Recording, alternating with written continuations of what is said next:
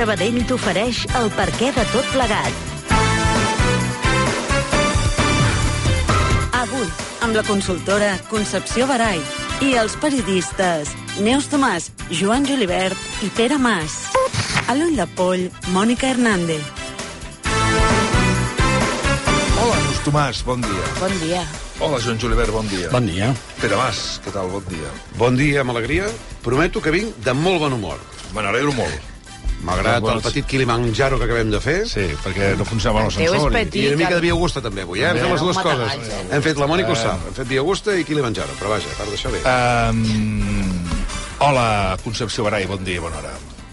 Bon dia. Bon dia. I aquí també la Mònica Hernández. Què tal, Mònica? Bon dia, Jordi. Com estàs? Molt cansat avui, tinc molta son. Mm, fas cara. Sí, sí, sí, sí, sí, home, és que vam anar a dormir tard, eh, i amb la gala de, dels 100 anys de Ràdio Barcelona vam anar a dormir tard.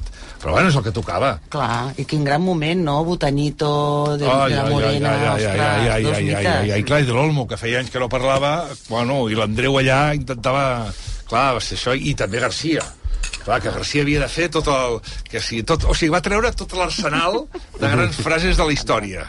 Saps? Me fui cinco minutos antes de que me echaran, això va dir. El imperio del monopolio, això tornava a Va sortir. Ricardo Florentino, ahir, o no? No, no, no, no, no, no, no, no, no perquè, perquè, perquè és que no, pobre Andreu, és que, clar, l'Andreu havia de fer una, una cosa d'horari 10, és clar que, que ja va començar més tard, bueno, en fi, eh, va, va, va fer de meravella a l'Andreu, com sempre. Com sempre. Bueno, escolta, ves un quart de del matí, em deixeu parlar... És que avui ens han despertat amb una notícia que em sembla que no li donem la suficient importància que es mereix. Que és que Nova York ha denunciat les cinc xarxes socials més importants del món perquè entén que perjudiquen greument la salut mental del jovent. Són Instagram, Facebook, TikTok, YouTube i Snapchat. L'alcalde és demòcrata i les acusa de ser responsables de bona part dels greus problemes psicològics que pateixen milions de menors dels Estats Units. De fet, la denúncia apunta directament a apunta directament contra algunes de les tàctiques que fan servir aquestes xarxes per mantenir enganxats uh, per mantenir els usuaris, com això dels algoritmes, o això que en diem també el, a l'escroll infinit. Molta gent recordarà una persona eh, que jo crec que va que ens va obrir a tots els ulls un dia, que a més va fer que la seva primera presència en aquest estudi fos molt viral, crec que a més va ser un dijous, també que recordar Neus. Mm. Estem parlant de Francisco Villars, que és el coordinador de conducta suïcida en adolescents de l'Hospital Sant Joan de Déu de Barcelona.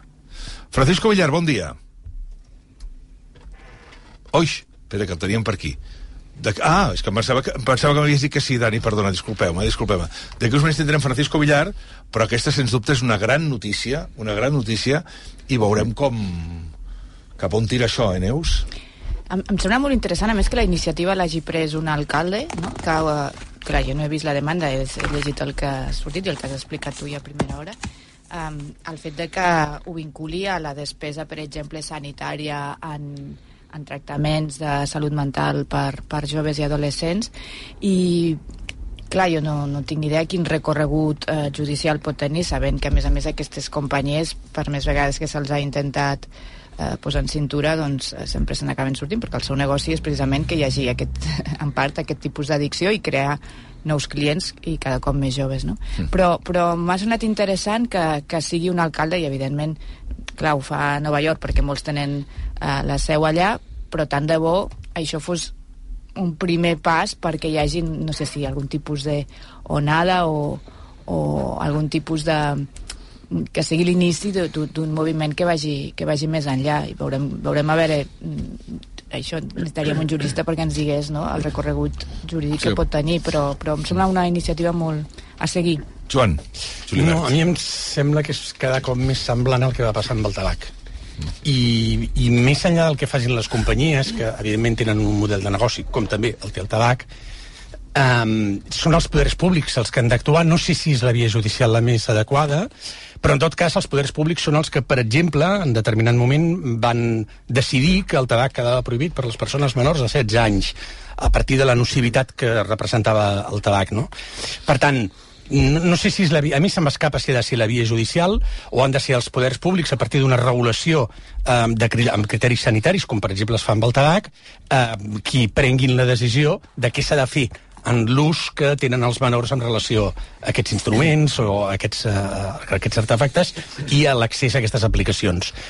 Només recordaré que el mateix inventor de l'escroll infinit és un senyor que ha concedit entrevistes i que diu que està empenedit d'haver eh, inventat aquesta aplicació, és a dir, aquesta possibilitat, perquè ell ara és conscient que mm, de la- l'addicció que genera aquesta, aquest atac aplicatiu en les, no només a les xarxes socials, eh? perquè és pràcticament a tot el domini web.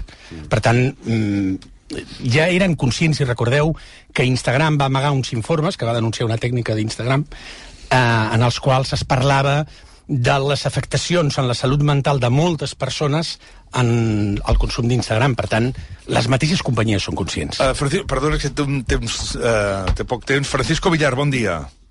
Bon dia, bon, dia a tots. Bon dia. Què, què li sembla aquesta notícia? Servirà d'alguna cosa o serà això simbòlic? Home, no, serveis, home, tots serveis. Fixa't que d'on venim ara, fa un any aquí, és, és com, com fantàstic. O sigui, és una pedreta més, una peça més, una miqueta més com de reconeixement de, de, de la situació que tenim i tant que serveix. Tot el que fem serveix. Mm. Tot. Cada vegada, cada vegada eh, es continua demostrant, i cada vegada més, i cada vegada més majúscules, que les xarxes socials perjudiquen greument la salut mental dels menors. Pot tornar a explicar, Francisco Villar, en quins aspectes? Mira, és que, clar, això és una miqueta el que es va demostrar el que nosaltres portem veient a les nostres consultes fa molt de temps, no? perquè, perquè, perquè ja ho veiem. Llavors ara ja tothom pues, acaba, acaba sent evident per tothom. Nosaltres, la primera via que, que, que tenim de preocupació amb aquestes situacions és que els nanos i els, els nens i els adolescents tenen un temps limitat i aquest temps el necessiten per desenvolupar les seves eines per enfrontar la vida. Als nanos no els hi passa res perquè no tinguin recursos, perquè estan programats per aconseguir-los. Llavors, aquesta interrupció del temps que està com robat als seus processos naturals de créixer, de desenvolupar-se, de poder eh, establir eines d'enfrontar la vida, tot això està limitat perquè utilitzen el temps o són absorbits per al temps per a aquestes situacions. Després, l'altra via d'afectació que ens afecta moltíssim, que és tot l'increment del malestar que té el jovent, perquè el nivell de comparació amb el que estan sotmesos per tota la comparació de les xarxes socials, amb la pressió eh, física, amb la pressió estètica, amb la pressió fins i tot de la qualitat de vida, després tota la part de les assetjaments, assetjaments sexuals, assetjaments eh, ciberbullying, totes aquestes realitats que no tindrien que assumir d'una altra, altra forma. Llavors, tot això que ens han dit de que ens ajuda a vincular-nos millor és que atenta directament contra el que ens diuen que ens vincula millor, perquè la- l'afectació primera és les seves relacions amb si mateix i amb l'altre. O sigui que amb aquestes dues vies, l'afectació del temps eh, que, que, que els hi manca per fer les coses que sí que són saludables i l'altra, l'excés de volum de- de- d'exposició de, a continguts que, que, als que no estaria disposat. L'Ajuntament de Nova York arriba a equiparar les xarxes amb les drogues. Directament, eh? Però directament, o sigui, l'Ajuntament de Nova York diu és com la droga, és com les drogues. No sé si està, si està d'acord si, si són tan addictives com, com les drogues les xarxes, i li pregunto més complementant. D'aquestes que parla de la xarxa, clar, les xarxes són moltes coses. Estem parlant de determinades aplicacions com, com assenyala Nova York, Instagram, TikTok, YouTube, Snapchat i Facebook. Què li semblen? Bueno, que s'ha deixat TikTok, no? No, no, Ah, també és, TikTok també o és, també és, també Ah, és, també, ah, vale, vale, sí, sí, sí, són les que... Sí, perquè aquesta és la dieta digital. Fixa't que tu quan mires la- la- l'utilització que fan els nanos dels mòbils, la dieta digital és superpobra. O sigui, i bàsicament està amb aquestes quatre aplicacions. Ja està quatre o cinc aplicacions. Això és el que fan els nostres nanos les 8 hores que diu l'Ajuntament de Barcelona que estan davant d'una pantalla entre setmana i les 11-14 hores que diu l'Ajuntament de Barcelona que estan els nostres nanos de la nostra ciutat davant d'una pantalla. 8 hores de dilluns a divendres i 11, entre Vuit 11 i hores 14 al cap de i setmana. I 11 i 14 al cap de setmana. Això és molt bo per les tecnològiques, perquè això és que els nostres nanos estan tinguent la generositat de fer moure l'economia mundial. Amb aquests diners que ells facturen dels, seus, de, dels nostres nanos enganxats en una pantalla, ells paguen escoles caríssimes per als seus lliures de pantalla amb aquesta, i això, eh, bueno, ho hem parlat moltes vegades, no? Pues amb aquestes coses estem. Llavors, qualsevol gest que fem amb aquesta via, doncs sigui, si és de justícia, si és a nivell de fa dues o tres setmanes va declarar l'Ajuntament de Nova York, primera ciutat del món, que declara a les xarxes socials com un problema de salut pública. Clar, jo que, com que tinc molta tolerància a la frustració, jo personalment, em permeto ser una persona apassionada i em permeto somiar i perquè no em passa res per frustrar-me després. Jo he tingut aquestes tres setmanes el somni de que la ciutat de Barcelona seria la segona en fer aquesta declaració. Però no, no, encara s'ha quedat Nova York amb la primera. Ara Nova York ha anat un pas més enllà. Llavors, al final, van marcant una miqueta els passos. No? Vostè recomanaria a Barcelona, per exemple, que, que fos que, si- que s'afegís a Nova York i que es convertís també en una altra de les ciutats que també denuncia aquestes cinc multinacionals? Que seria la segona del món. No seria maco, això. O sigui, jo, sí, jo sí que ho tinc, no? amb el moviment que hi ha de pares de Barcelona, amb el que estem veient, amb el que estem...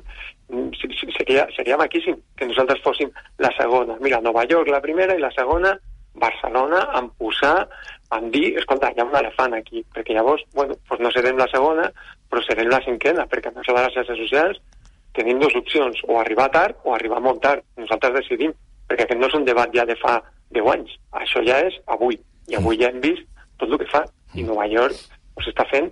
També va ser el primer que va ficar la pota, eh? perquè va ser, va ser el primer que es va ficar amb això, llavors és el primer que està sortint, però ja que surt, escolta, sortim amb ell, no? Una pregunta que em sembla que ara molts pares que estiguin al cotxe tornant o treballant o escoltant poden, poden saber... Aviam, si un nen està enganxat es pot saber ràpidament. Estàs tota l'estona al mòbil eh, és evident. Eh, però que estigui en una situació, diguem-ho, de risc alt, quina actitud té una criatura per poder preveure si, la, si els, eh, que li està passant alguna cosa amb les xarxes? Jo et diré la, la grossa directament. Si tu tens un nano menor de 16 anys que té accés, que té un mòbil a la seva mà, està en risc. Ja està. O sigui, ho tens, ho tens així de fàcil. Llavors, si estem parlant d'uns percentatges de, no sé, del, del, del 25% d'assetjament, les noies diuen que l'Ajuntament de Barcelona, amb, la, amb aquest mateix estudi, diu que el 25% de les noies estan rebent assetjament via online. Llavors, tu avui treus tots els mòbils a tots els nanos i el 25% de les noies deixen d'estar assetjades. Llavors, si tu eh, dius, bueno, és que és una de cada quatre, vale, vale, però és que nosaltres no ficaríem en un ascensor amb un fill que una de cada quatre cops que puja cau, saps? O sigui, llavors, això ho tenim que posar una miqueta, que és, jo crec que el foc que posa l'Ajuntament de, de, de Nova York. Si nosaltres tenim amb un nano amb un mòbil a la mà, estàs posat amb uns riscos amb els que no estaria. Són riscos innecessaris. Llavors, no s'ha demostrat que s'hi doni re positiu a xarxes, només que et diuen que és divertit, però bueno, estic d'acord amb l'Ajuntament de, de, de, de Nova York, les drogues també són divertides, per això les fa servir la gent, i alguna gent que fins i tot diu que no, bueno, és que quan va una miqueta drogat té més capacitat i més valentia per, no sé, per lligar o per, no? O se, es, es, es desinhibeix una miqueta. Llavors, que les drogues no tenen repositiu, això tampoc és veritat. El que passa és que el balanç de riscos, beneficis, et surt sempre mal, malament. Llavors, si tu tens un nano amb un mòbil, eh, ja està en risc automàticament perquè està sotmès a totes aquestes, a, està exposat tot, a tot això. Ara que el teu fill és que és molt cabal, molt tal, molt, un nano d'aquests que, mm, pues, pues això, pues, bueno, que salvarà, bueno, potser salvarà, sí. Uh, estem fora de temps, estem fora de temps, però li vull fer una pregunta a Francisco Villar que em sembla molt important. Molta gent li pot dir, i segur que li dic que és vostè un alarmista, perquè, clar, van dir que fins als, fins als 14 anys no es podia deixar un mòbil, perquè no sé, o 16, tal, tal, tal. Però jo li pregunto ara a Francisco Villar, que és, escolti'm, ara em sabria dir què podem fer? Perquè ja anem tard o molt tard, ha dit. És a dir, què podem fer com a societat? És a dir, nosaltres què podem fer? La gent estem enganxats als mòbils, les criatures també. Com podem treure'ns aquesta addicció ara? Però és que això una miqueta com va ser el del tabac, no? Nosaltres ja sabem el que és això i el que és fer la lluita amb això, i el tabac ha baixat molt. Llavors nosaltres el que necessitem és que, si pot ser, que ens ajudin, que s'ajudin a, a, a mòdul legislatiu, perquè la cosa, perquè nosaltres sabem que... Mòdul legislatiu, per exemple, aquestes perdó, eh? coses- Mòdul legislatiu és no es pot entrar ni a cines ni a teatres ni no sé què amb el mòbil, no podem entrar en un restaurant amb el mòbil, és que clar, és que això també va en contra de la llibertat. No, sí, sí, sí, no, sí, sí, no, no, però, però jo, jo amb l'adult no em fico. L'adult, eh, com sempre, eh, que es busqui la vida, perdó. El tabac està prohibit la venda de tabac al menor, però l'adult pot comprar tabac el que vulgui. Mhm. Llavors, tu pots entrar en un espectacle pornogràfic sent adult i no passa res. Al nano és el que no li deixen entrar perquè el posa en risc. Tu pots entrar en una discoteca i no passa res, però al nano no li, pro li prohibeixen l'entrada, no passa res, sinó per protegir-lo, no? Llavors, com que nosaltres sabem que aquesta dicotomia de prohibir i, i educar és una mentida que ens han fet també les tecnològiques com el de la, eh, la generació digital, exactament la mateixa, perquè nosaltres sabem que la prohibició, prohibir és educar, i ho sabem de sobres, i llavors quan entrem en aquesta costa de dinàmica i tal, i de magnitud, home, és que tu amb la prohibició pots fer educació o amb la prohibició, amb la prohibició pot, pots fer una dictadura o una barbaritat però amb la seva justa mesura prohibir és educar. Nosaltres no vam deixar de formar als restaurants i als bars i a les discoteques perquè van tenir la consciència d'aquelles campanyes que van fer home, pobret, el fumador passiu, fixa't que ell no fuma i s'està menjant tot el teu fum i morirà com tu. No, no van conscienciar per això. Va arribar la prohibició i després de la prohibició van prendre tots consciència d'això. No els van posar el casco de la moto per consciència de que tindríem un accident amb 15 anys. No, no, va ser casco o casco, es van posar i ara mateix aquesta prohibició ja ha decaigut, perquè ja no necessitem que ens prohibeixin anar amb la moto sense casco perquè els adults ni de conya anem sense casco perquè ens imaginem el nostre cap, no? Llavors, la prohibició per orientar a la població i per donar recursos a les famílies per poder, per poder protegir amb els nostres petits. Això és el que, el que necessitem, però sobretot que això quedi amb els petits, els grans, no es poden posar, com diuen, portes al camp, no? Llavors, com que si entres allà ja estàs exposat amb tot aquest eh, món, perquè és un món d'adults, llavors els nanos els has de deixar fora d'aquest món, perquè si ja entren ja no pots posar portes al camp com ells li diuen, però no es tracta de posar portes al camp, es tracta de no posar un, un mòbil a la mà d'un nen de 16 anys, de 15 anys, de 13 anys, d'això es tracta només. Uh -huh. Té una reunió i per tant de deixar una cosa, el pitjor, la pitjor eh, aplicació és Instagram per als menors? Bueno, jo crec que Instagram i TikTok, perquè senzillament són les més bones. Llavors, com que elles entre elles estan competint per allò tan preuat que és el temps dels menors, si una comença a fer a, a deixar de fer totes aquestes, eh, eh, tots aquests dissenys addictius, l'altra es menja al mercat. Llavors, clar, no poden renunciar a cap tipus d'incentiu per poder atrapar la, la, la dels nanos. Llavors, les dues més, més importants són... Però Snapchat crec que és molt, molt forta també entre els menors i, i o sigui que, que no, sé, no, no et sabria dir. La que més hores tingui de, de nano és la més perillosa. Sí. No, no hi ha molt més. Francisco Villar, un plaer novament. Moltes gràcies. Moltes gràcies a vosaltres. Vagi, Ànims, bon ho aconseguirem. Ho aconseguirem. Esperem que sí. Gràcies. Francisco Villar és el coordinador de conducta suïcida en adolescents de l'Hospital Sant Joan de Déu de Barcelona. Va fer una masterclass aquí fa un temps que va fer-se molt viral amb, les, amb els xats de WhatsApp de, de pares i mares d'escoles eh, perquè va ser molt interessant escoltar. I també és molt interessant el que diu i tu, Mònica Hernández, pots explicar moltes coses, perquè tu has hagut de, de patir-ho tot això amb, la, amb, amb una criatura teva, amb una filla teva, mm -hmm. i les circumstàncies, bueno, és que tots estem amb això, esclar, però el teu cas més bèstia, clar. Bé, perquè l'algoritme et porta sempre a veure allò que no et convé, és a dir, quan tens una filla amb TCA, l'algoritme de TikTok et porta a veure vídeos de noies que tenen TCA i que no se'n surten, per tant, això t'ensorra encara molt més, i després les eines que tenen els nanos, ara hi ha una mena de jocs online que es poden connectar a classe, però que clar, si se'n fa un mal ús d'aquest joc eh, pot generar un cas d'assetjament que és el que li ha passat a la meva filla. És un joc que tu poses una paraula, poma i tots els que estem en aquesta taula tenim un minut per dibuixar el que ens ve al cap en poma. Eh, si tu poses el nom d'una persona que va ser el cas de la meva filla mm, pots dibuixar mm, doncs una nena i, en perdó, menjant polles i és el que va passar. Llavors això eh, són les xarxes, són tots aquests jocs en línia que hi ha, i com ho controlem, això? Clar, jo sóc billarista eh, des que el vaig escoltar aquí, em vaig fer pro Francisco Villar, però penso com el Joan, està molt bé la iniciativa de l'Ajuntament de Nova York, i tant de bo si sumin molts d'altres, però crec que la via legislativa potser no és la més idònia o la única que s'hauria de posar en marxa. Crec que han de ser les autoritats sanitàries, els governs, que d'una vegada per totes facin com amb el tabac. O l'alcohol, eh? Prohibició. Prohibició eh, a menors de 16 anys. És l'única manera. Jo crec que és, és un tema gens menor, gens menor. Ara de seguida el Pere Mas, sí. de seguida també la Concepció Barai, i una notícia que després és, pot semblar menor, però el Pere Mas, que és, eh, i la Mònica, que, són, que han estat persones de, de televisió, sí. eh, eh, ara ens poden, ens poden dir Ai. si això està bé o no està bé. Ai, noi. Sí, espera't un moment, perquè se m'han anat. Aquelles coses que faig, sí. que se me'n van les coses, tu. Ja, ja està. Que és... Mira, no, no vull equivocar-me. Però ahir va haver-hi a Televisió Espanyola mm. el debat un debat a Galícia. Sí, Val? aquest, aquell doblat, aquest que heu explicat aquest matí. Exacte. Només van anar-hi dos candidats, Sí. que és la candidata del BNG i el candidat del, del, del Partit Socialista. El candidat del PP no hi va anar. Atenció, tinc les dades de Galícia, A quin canal es va fer? Ho diu, això? a Televisió Espanyola, no sé si la 1 o la 2. Ah, sí, és veritat, era la televisió espanyola. Vale, Val. vale, Televisió Espanyola sí, perquè el presentador era el Xavier Fortes. Fortes. Saps quin, quin, quin, quina audiència va fer? És De... que on diràs una de molt alta o una molt baixa? Val, no, diré... Inclino No sé, per, la, per la baixa, no sé Jo per també. què. Val, per la baixa. Però no ho tinc clar. Un 17 i mig. Una brutal. Quan va durar? Per No en tinc ni idea. D'aquí una estona li preguntarem a l'Anton Lozada, que el 17? tindrem aquest matí. Sense 17 tenir el amb del PP? 4%, sí.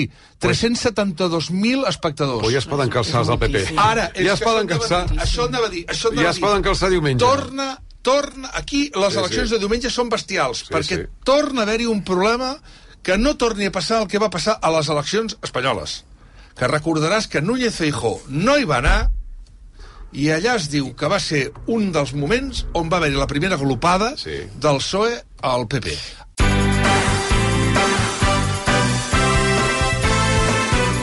El per què de tot plegat.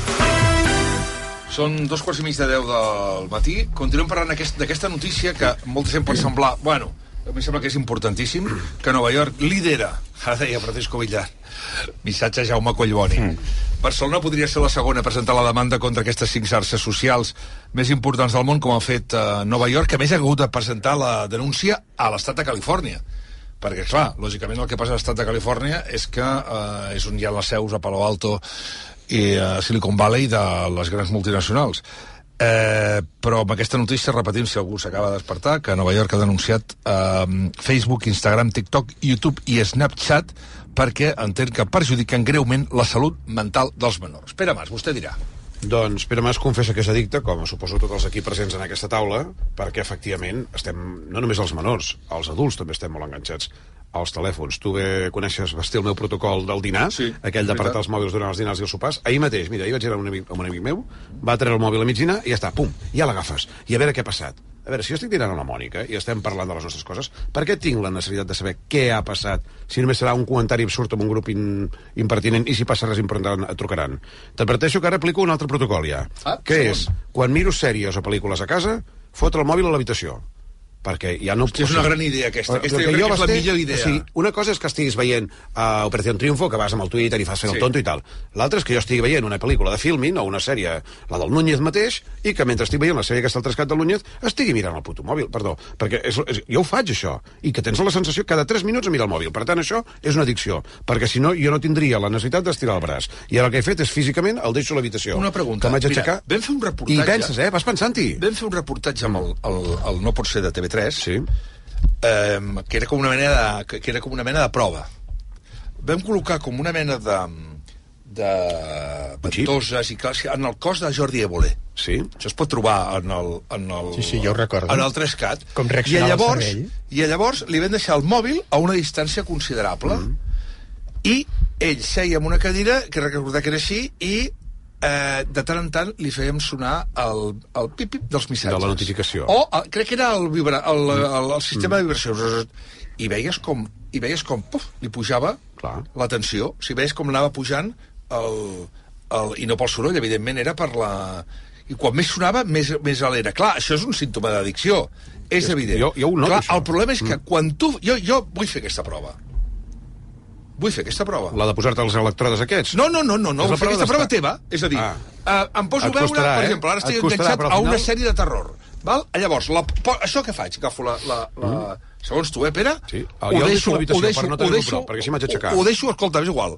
Damunt de la tassa al vàter, és igual. Ho deixo allà. La meva reacció serà igual que amb el tabac. Ansietat, Basté, ansietat. Necessitaràs aixecar-te a veure què ha passat. O com a la mitja pel·lícula, al cap d'una hora diràs vaig a veure què ha passat. Insisteixo, si passa una cosa important, et trucaran per telèfon. Si, si hi ha un problema de salut greu a casa, si hi ha un accident de cotxe, si hi ha un incendi, Llavors, no sé on, Per tant, llavors, segons trucarà. tu, si jo no tinc telèfon a casa, Bueno, o et Ara sí, al mòbil, bueno, o que el puguis sentir. Sí, Tens el sí. mòbil, et trucaran al mòbil. Si passa alguna cosa important, et trucaran. T'acabaran trucant. Llavors... El, Eh, el problema és que si el pots sentir, les notificacions també les, les sents treus, des de les pots lavabo. treure. Es pot programar sense notificacions, poden fer mil coses. Que només et truqui el Potser telèfon. haurem de fer un dia un programa amb Llavors. eh, educació per mòbils, Sí, per fer tu- aquestes Tu coses. pots programar-ho. A mi el WhatsApp no em sona una mai, eh? bosses que és com una mena de... Una què? Hi ha, hi ha, una, hi ha una mena de bosses mm. um, que pots que pots posar-ho a dins, tancar-ho i que no puguis obrir-lo, que això ja és el Val. límit, no, no, jo no si, parlo si d'això. posen els electrodes Parlo aquí tu- ja O dispara. sigui, no parlo d'un aïllament total, perquè, o sigui, anava a dir-te, fem la prova d'estar un dia sense mòbil. Tu no pots No, estar un dia sense mòbil, dic- perquè pot passar algú, em poden trucar aquí per la tertúlia demà, em pot trucar el meu pare perquè no sé què li passa, i mi germana que no sé què els meus nebots. Però parlo, podríem viure un dia o dos o una setmana amb un mòbil que només rebi trucades? Jo crec que podríem, però notaries una ansietat brutal. Exacte. Per tant, el problema ara no diu la. Núria Fora, una amiga meva, diu que, que, que hem de treballar molt, no pot ser, Sí. que diu, l'Évole anava fent exercicis de lògica Sí. I anava perdent concentració. Clar. O sigui, a mesura que Bueno. ella estava... De debò, tinc unes ganes de recuperar aquells programes perquè, clar, posat en perspectiva... És a dir, tu posaves el mòbil, li posàvem al mòbil la quinta punyeta, ell anava fent exercicis de lògica i veies que ell... Perquè vas sentint la vibració. Ah. Bueno, això, quan escrius un article, jo vaig treure el vibrador per aquest motiu, perquè estava tenint el telèfon a la quinta forca i anava sentint... I estàs tu escrivint un article i perds la concentració i el fil. Trigues set vegades més i a més el fas pitjor.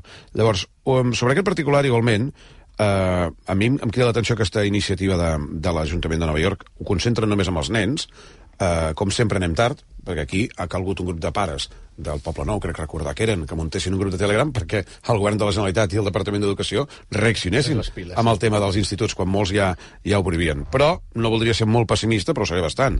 Estem batallant contra transnacionals, contra multinacionals. O sigui, el senyor Meta, aquest, que és el senyor Facebook, és el senyor Instagram i és el senyor WhatsApp, o sigui, és el senyor que ens està llegint les converses a tots, tot el que ens estem dient, tu com, com a govern, o sigui, com a mínim, has de ser els Estats Units o la Unió Europea per batallar contra aquesta gent. És molt difícil fotre's quadrar. Tot i això, en el passat, el, el govern americà té una tradició de, per exemple, de legislació anti-trading o antimonopolis o anticoncentracions que abans, amb el tema televisió, amb el tema benzineres, amb el tema eh, tecnològic, eh, eh, era molt efectiu. Ara s'ha produït una concentració de les tecnològiques que sembla que ningú pugui posar-hi fil a l'agulla. Jo, jo tinc un dubte, o sigui... Jo tinc la Concepció, eh, Mònica, l'heu sentit? Ai, sí, eh? Perdona, Concepció. Concepció. Ah, perdó.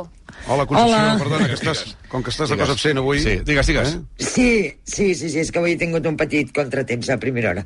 No, a veure, és que vull dir moltes coses, eh? però ara agafaré eh, el que deia el Pere ara al, al, al final, no? aquest intent de viure sense mòbil durant unes hores al, al dia, no? els, els adults, que és una mica, jo uh, ho, ho comparo una mica amb el que estem demanant i sembla que es farà, que serà que els nens, no, els adolescents, estiguin com a mínim les hores que estan a l'escola i a l'institut sense tenir físicament el, el mòbil, val? I, i estic d'acord i, i crec que s'ha de fer i és part de la regulació que s'ha de fer eh, des dels poders públics, crec que ho deia en Joan, no?, quan, quan ha intervingut. Però què passa després?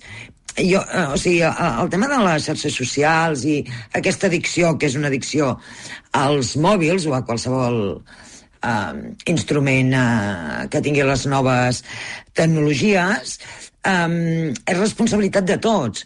O sigui, podem tenir els adolescents a l'escola sense el mòbil? És que jo crec que ja fa temps que ho hauríem de tenir um, així. Tu quan anaves a classe, doncs anaves a classe i et concentraves en el que havies de concentrar-te, però si després per entretenir els nens, el primer que fem és donar-los el mòbil o el tablet perquè els adults estan fent altres coses i no volen que se'ls eh, molesti, i això estareu amb mi que actualment està passant, el fet de prohibir-ho a l'escola tampoc ens solucionarà ni ens ajudarà, jo crec, a solucionar el problema real perquè estem parlant d'una addicció. No? Llavors, les addiccions s'han d'atacar molt directament des de molts uh, fronts. Per tant, jo crec que el primer que hem de tenir clar és que és responsabilitat de tots, dels, dels mestres a les escoles perquè els nens es concentrin en estudiar, però també dels pares, dels amics, dels germans, de la família en general, del teu entorn, a les hores en què no, en què no estàs a l'escola o no estan a l'escola aquests nens i aquests adolescents, no? El, el Francisco Villar ens parlava de tot un seguit, no? El, que dediquen el temps que tenen lliure, no el dediquen a formar-se com a persona, sinó que el dediquen a les xarxes, no ens ha dit diferents d'allò. Jo crec que n'hi ha un que no n'ha nombrat, que per mi és molt important, que és l'aïllament que estan creant les xarxes socials del, dels adolescents. O sigui, confonen el que és una mm, esfera personal o d'amistats virtual amb el que després realment es troben quan baixen a la, a la realitat. Tu pots tenir una comunitat virtual de mil seguidors i quan tornes a la teva vida real tu no tens mil amics. És que potser te n'has quedat sense, perquè t'has aïllat i t'has centrat en aquesta comunitat virtual, no? perquè vivim en l'època la de que els likes és el que mou a molta gent, sobretot en aquest cas en els adolescents. A mi aquest aïllament també em preocupa com una de les causes que porta tot això. I en relació al tema de Nova York, jo crec que és interessant, important i fins i tot valent. Eh? Ja sé que potser la via judicial no és l'única, però enfrontar-te directament ja judicialment, perquè ho han intentat d'altres maneres i se salten to, o se, se saben totes per sortir-se amb la seva, contra aquests grans mostres, no? contra aquests grans eh, multinacionals que són els que han donat aquest instrument perquè es provoqui l'addicció que s'està que Ah, s'està provocant. Hi ha, una, hi ha una història que també m'agradaria que, fixa't, eh, arran de tota aquesta addicció als mòbils i això que comenta ara la Concepció, als Estats Units també preocupa molt que tot això està provocant que la gent, no només l'adolescència, cada vegada estiguem més sols. Els americans s'aïllin. Ahir el The Atlantic publicava un article molt interessant titulat directament Per què els americans han deixat de sortir de sobte i explica que en els últims 20 anys els adults nord-americans han deixat de socialitzar un 30%. Un 30, mentre que els adolescents, les relacions socials han caigut al 50%, a la meitat. No recordo un període de la història en què la gent hagi passat més temps sola. És que Bèstia, aquesta problema, dada? eh? Sí. Bèstia, aquesta dada? Jo volia comentar una cosa que, el, que ha dit el, el Francisco, amb algunes coses puc estar-hi d'acord i en altres sé que és eh, difícil dir-ho, però jo discrepo. És a dir, eh, prohibir és educar, doncs depèn, perquè la comparació, per exemple, que es fa amb les drogues, a mi no em serveix, perquè hi ha molts joves i molts adults que consumeixen drogues, legals o il·legals, eh, i, algunes estan prohibides. Per tant, mm, jo no, no, no, no, no sóc consumidora i per tant no, no parlo des d'aquest punt de vista, sinó des del punt de vista de que el que és important és que sàpiguin les conseqüències que té prendre determinades drogues i, i, i sobretot si són consumidors, on les compren i com les compren i per tant mm, ho hem parlat en aquesta taula a, a mi em sembla bé que en els eh, espais d'oci, festivals on evidentment hi ha consum, no serem hipòcrites a dir que no n'hi ha, doncs que hi hagi algú explicant, escolta, si fas això et passarà això, és millor que ho facis així, no ho facis així, per tant, la regla aquesta de que prohibir és educar, doncs depèn, perquè la comparació també, per exemple, amb el casc, és correcta, però clar, tu no estàs dient eh, i a partir dels 16 anys et, pot, et podràs treure el casc i anar amb moto. No, tu tens prohibit anar sense casc. Per tant, el que has de fer és... Què fem? Perquè parlem de... Ell parla de nens de 16 anys. Bé, en alguns casos són nens, en alguns casos els tractem com a nens, en alguns casos els tractem com a adults. Recordo que hi ha hagut fins i tot debats, que jo no, no, no en soc partidària, però fins i tot s'ha plantejat també aquí en aquest programa hem tingut aquest debat de si l'edat penal havia de baixar als 16 anys o no. Per tant, a vegades els veiem com a nens, a vegades els veiem com quasi adults. Jo crec que és més, perquè és, és més important havent de regular, per suposat, havent de decidir, a mi em sembla interessant el debat sobre les escoles, eh, però no dir es prohibeix i llavors quan arribin als 16, què és, barra lliure? No. Clar. No? Llavors, l'argument aquest eh, podria dir punitivista tecnològicament, crec que és eh, interessant perquè planteja el debat que fins ara no s'havia fet, però ho porta a un extrem que no sé si també pot tenir elements contraproduents. Pere? No, que això, van, tot està suggerint que el prohibir, prohibir eh, mm, sí, jo crec que s'ha de trobar un equilibri. O sigui, Va, el tema, el D'acord, tema és, és com trobes l'equilibri. D'acord, I per el això et dic. clar, Però, sempre però, però això, tu als el- 16 anys, no, eh, als 17 anys continues portant casc quan Sí. vas a la moto, no et deixen anar sense casc. Llavors, teniu prohibit fins als 16 i als 17 anys que puguis entrar allà, que és veritat, tindràs un grau de maduració molt diferent dels, no sé, les barbaritats aquestes de mòbils als 10 anys o als 11 o als 12 i em sembla interessant, ho he dit, eh, la iniciativa des del punt de vista Mm. de les institucions públiques, sigui un ajuntament o sigui el legislador.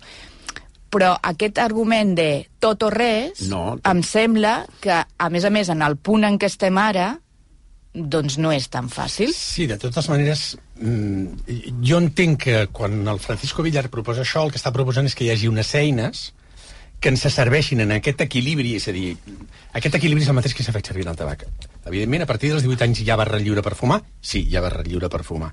S'entén que la gent a partir dels 18 anys, també per però t'ho eh? lliure, però t'ho posen difícil, perquè una de les Clar. coses és l'equilibri- posar-t'ho difícil. Ah. Una altra manera de posar-ho difícil seria apujar encara més el preu del tabac, com passa, Eh, Exacte, com passa però, a França però estem parlant d'un problema de no salut pots- pública, és Sí. a dir, el, el Francisco Villar el que, el, el que l'inquieta, mm. per, perquè és la seva disciplina, és la salut mental dels menors de les persones menors d'edat, dels que tenen menys de 18 anys. I des d'un punt de vista de salut pública, el que ell fa és calcular els beneficis i els perjudicis de la lliure accés a les aplicacions de mòbil. I no sé, ara que hi ha, per exemple, unes eleccions europees, perquè jo crec que això té més recorregut legislatiu que recorregut judicial, va ser Europa qui va legislar en relació al tabac. I va fer unes directives que després es van aplicar a tots els països europeus. Va ser la Unió Europea també qui va aplicar l'alcohol i recordeu tots els problemes que hi va haver a Espanya perquè la indústria de l'alcohol no acaba de veure... Sí, però ja- Doncs també, si entenem que aquí hi ha un problema de salut pública, mm. són els poders públics els que han d'actuar i donar eines a les persones perquè eh, actuïn en relació a l'accés que els menors, perquè estem parlant d'un problema de salut pública dels menors, tenen en relació a aquestes, eh, És que aquestes aquí hi ha un problema a diferència de l'alcohol i el tabac, que estem parlant d'un espai virtual.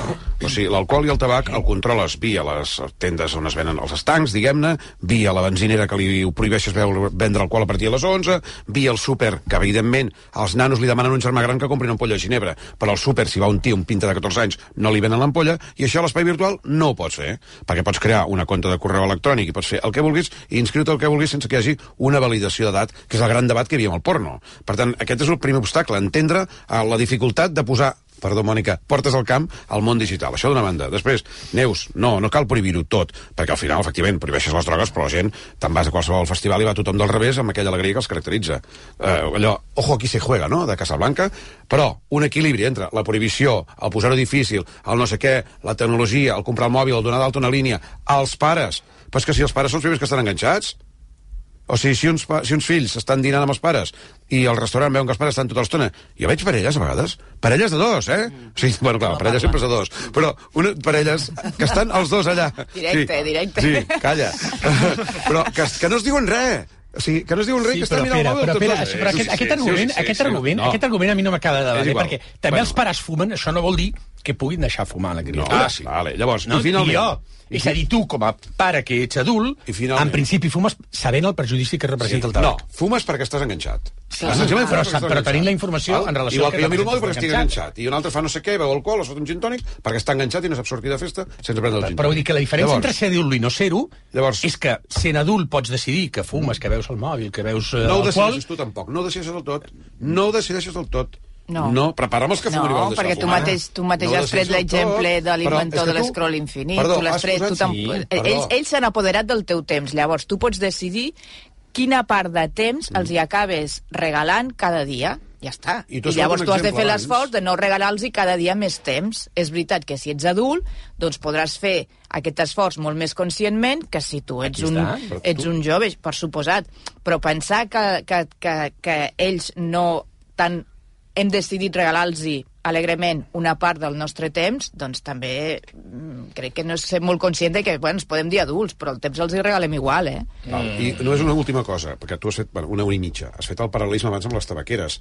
Hem descobert molts anys després la quantitat d'informes que tenien sí. sobre la capacitat d'addicció del tabac i com van ocultar aquests informes al Philip Morris i companyia. Bueno, els que mateixos, penses, mira, que penses que és- aquests tios al- no ho tenen amb les tabacaleres ha passat Sí, el sí, mateix el que amb les, denunciat que tenia. amb les tabacaleres I- ha passat el mateix que, que, que va passar Uh, que, pas, que està passant encara ara, amb, per exemple, amb les grans multinacionals de combustibles fòssils i aquests informes de que el canvi climàtic tampoc és per tant, i, No, eh, els informes d'aquests retardistes que tenen tots eh, signatures, en alguns casos, de científics, per entendre'ns. I amb això passarà el mateix. També sortirà gent dient que no n'hi ha per tant.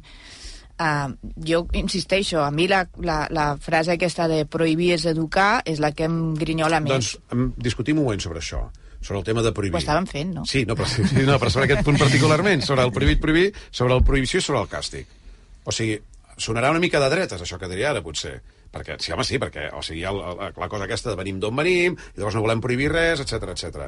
Um, si no et treuen 6 punts del carnet de conduir quan et saltes un semàfor, em sembla que són 4 o 6 el semàfor, o quan t'enganxen begut, o quan... O sigui, si no hi ha la punició, malauradament, Sí. no hi ha el canvi conductual. I tot i així, no es produeix aquest canvi conductual. Això pot sonar fatxa dir-ho, però és que és així. És el, un nano que no sé què passa, que no obeeix, no creu, no fa els deures, li retires la Nintendo una setmana i casualment, mira, la setmana que ve tot va més tovet.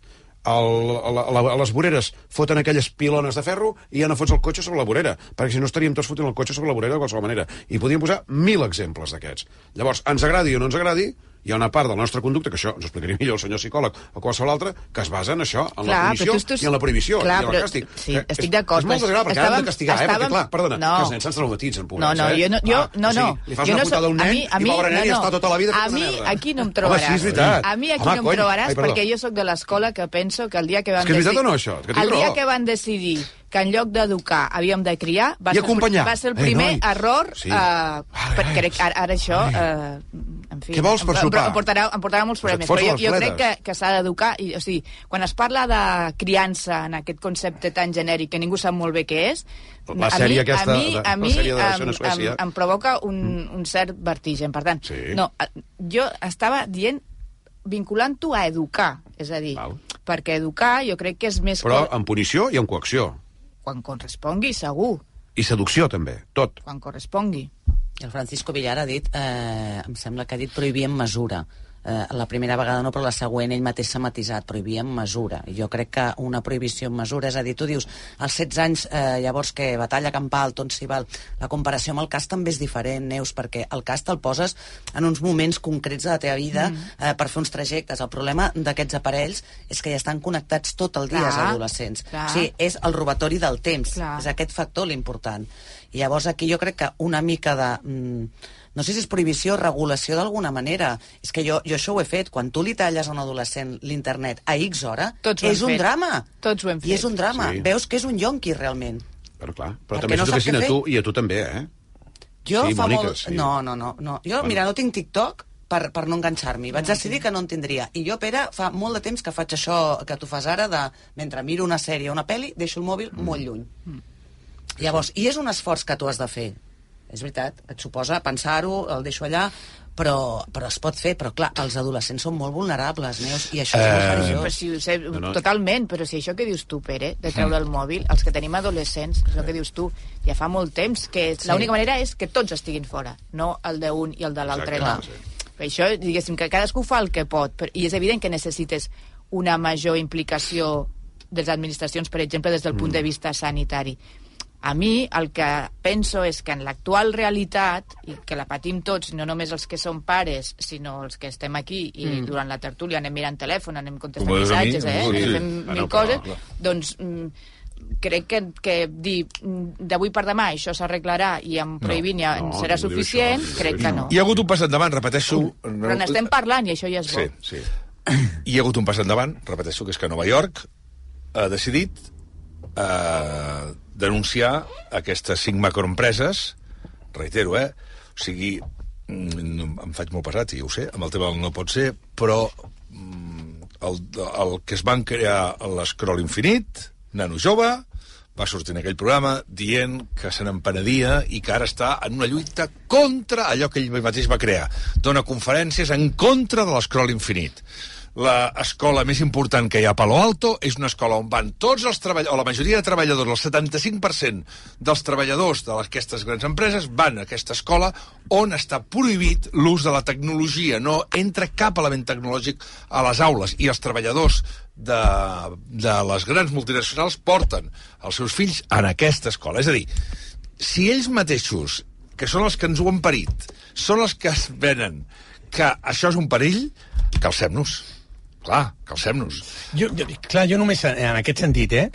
Um, qualsevol eina tecnològica és una eina. Ho dic perquè abans has parlat del tertuli, estem amb els mòbils. I alguna molt mòbils, bona. Perquè estem treballant.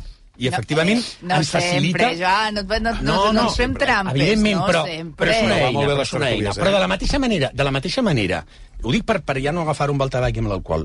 Oi que no deixem conduir els nanos de més de 18 anys? De menys. De menys. No. Bueno, depèn dels llocs, no? Hi ha llocs on poden conduir als 16. Perfecte, tu regularàs on sigui, però pot hi ha una prohibició a determinada edat, sí o no? Totalment d'acord. S'entén que el cotxe és una eina, no és un entreteniment, és una eina per poder-nos moure, i que les persones que tenim certa maduració intel·lectual, certa maduració mental, farem servir adequadament, no tothom, eh, efectivament, però adequadament aquella eina. Doncs una mica, si ho comparem amb el cotxe, efectivament, el telèfon mòbil és una eina D'entrada és una eina, després la podem fer servir per moltes coses. Són les 10 i 2 minuts. Un moment, perquè ara anirem a Galícia. De, trucarem Hombre. a Don Anton Losada Hombre. per preguntar-li a Don Anton com ho veu tot plegat. Jordi. Digui, Ah, puc dir una coseta abans? digui, digui. No, mira, una, t- tres coses molt ràpides. Ui. Um, estic molt d'acord amb tot el que ha dit el Pere avui, que, que no serveixi sempre. de precedent una altra vegada. Sí, sí. Portem dos, di, dos tertúlies coincidint. No, I ara en relació al que deia el Joan. Efectivament, el mòbil o l'iPad, la tablet, el que sigui, és una eina tecnològica. És que el problema no són ni la tecnologia ni les eines, sinó és com els utilitzem. I el problema és que nosaltres, aquests instruments, aquestes eines tecnològiques, ens han arribat primer només fèiem trucades, després fèiem trucades amb, amb vídeo, no? Ens veiem uns als altres i ara ja serveix per eh, moltes coses i, i per lo que el fem servir menys és per trucar. Però els adolescents, ells han nascut amb el mòbil, o sigui, per ells el mòbil ho és tot menys un telèfon. I, i per això en saben molt més que nosaltres, no? Hi ha vegades que tu has de demanar-li a, un, a un nen de, una nena de 14 anys que te fiqui una aplicació o que te tregui una cosa que, t'ha- que no saps com has posat el telèfon perquè tu, tu no en saps, no? Perquè per tu el telèfon era una altra, una altra cosa. Per tant, jo crec que és molt important parlar en l'educació de l'ús de les xarxes socials a través d'aquestes eines eh, tecnològiques. Hi ha una cosa que, que de veritat, el tema del casc, eh, que podem comparar amb l'alcohol, amb el tabac, ara fins i tot amb el carnet de cotxe que deia el Joan, però el problema és, i això ho ha dit el Pere, que tot això el cas que et veuen a la via pública si el portes o no, el tabac i l'alcohol l'has de comprar i si no tens l'edat no te'l donen, el carnet, ai, no pots conduir si primer no es fas un examen i et treus el carnet de cotxe, però com fas tot això a nivell virtual, a nivell virtual, on l'anonimat en aquests moments és el que està més de moda, on pots enganyar quan dones les dades i on els propis pares tenen l'aplicació en els seus telèfons mòbils i en un moment donat li deixen als nens perquè juguin, perquè mirin, perquè s'entretinguin i per tant, encara que tu els hi prohibissis d'alguna manera aconseguíssim que no poguessin tenir aquesta aplicació o, o no poguessin tenir un mòbil perquè tenen 16 anys, que jo trobaria una prohibició extrema, eh? no la portaria al cant, però ara ja ho fico a l'extrem, és igual. Si després els propis pares o el seu propi entorn més immediat li deixarà l'instrument tecnològic perquè s'entretingui. Llavors, aquí s'ha dit, no? No podem posar portes al camp i jo crec que aquest és el gran, el gran problema. I ja acabo, eh? Només en relació al que deia la Neus. Jo estic d'acord que prohibir no és educar, val? en, en l'extrem més eh, gran. Però sí que és veritat que algunes coses s'han de prohibir perquè si no prohibeixes res tampoc eduques. No? Llavors, bueno, crec que s'ha de trobar el punt d'equilibri i que s'ha d'educar a l'escola, eh, però també s'ha d'educar molt eh, a casa. I jo aquí, eh, en aquests moments, és que es veig on falla més. 10 i 5. D'aquí uns moments truquem a Galícia. Hombre.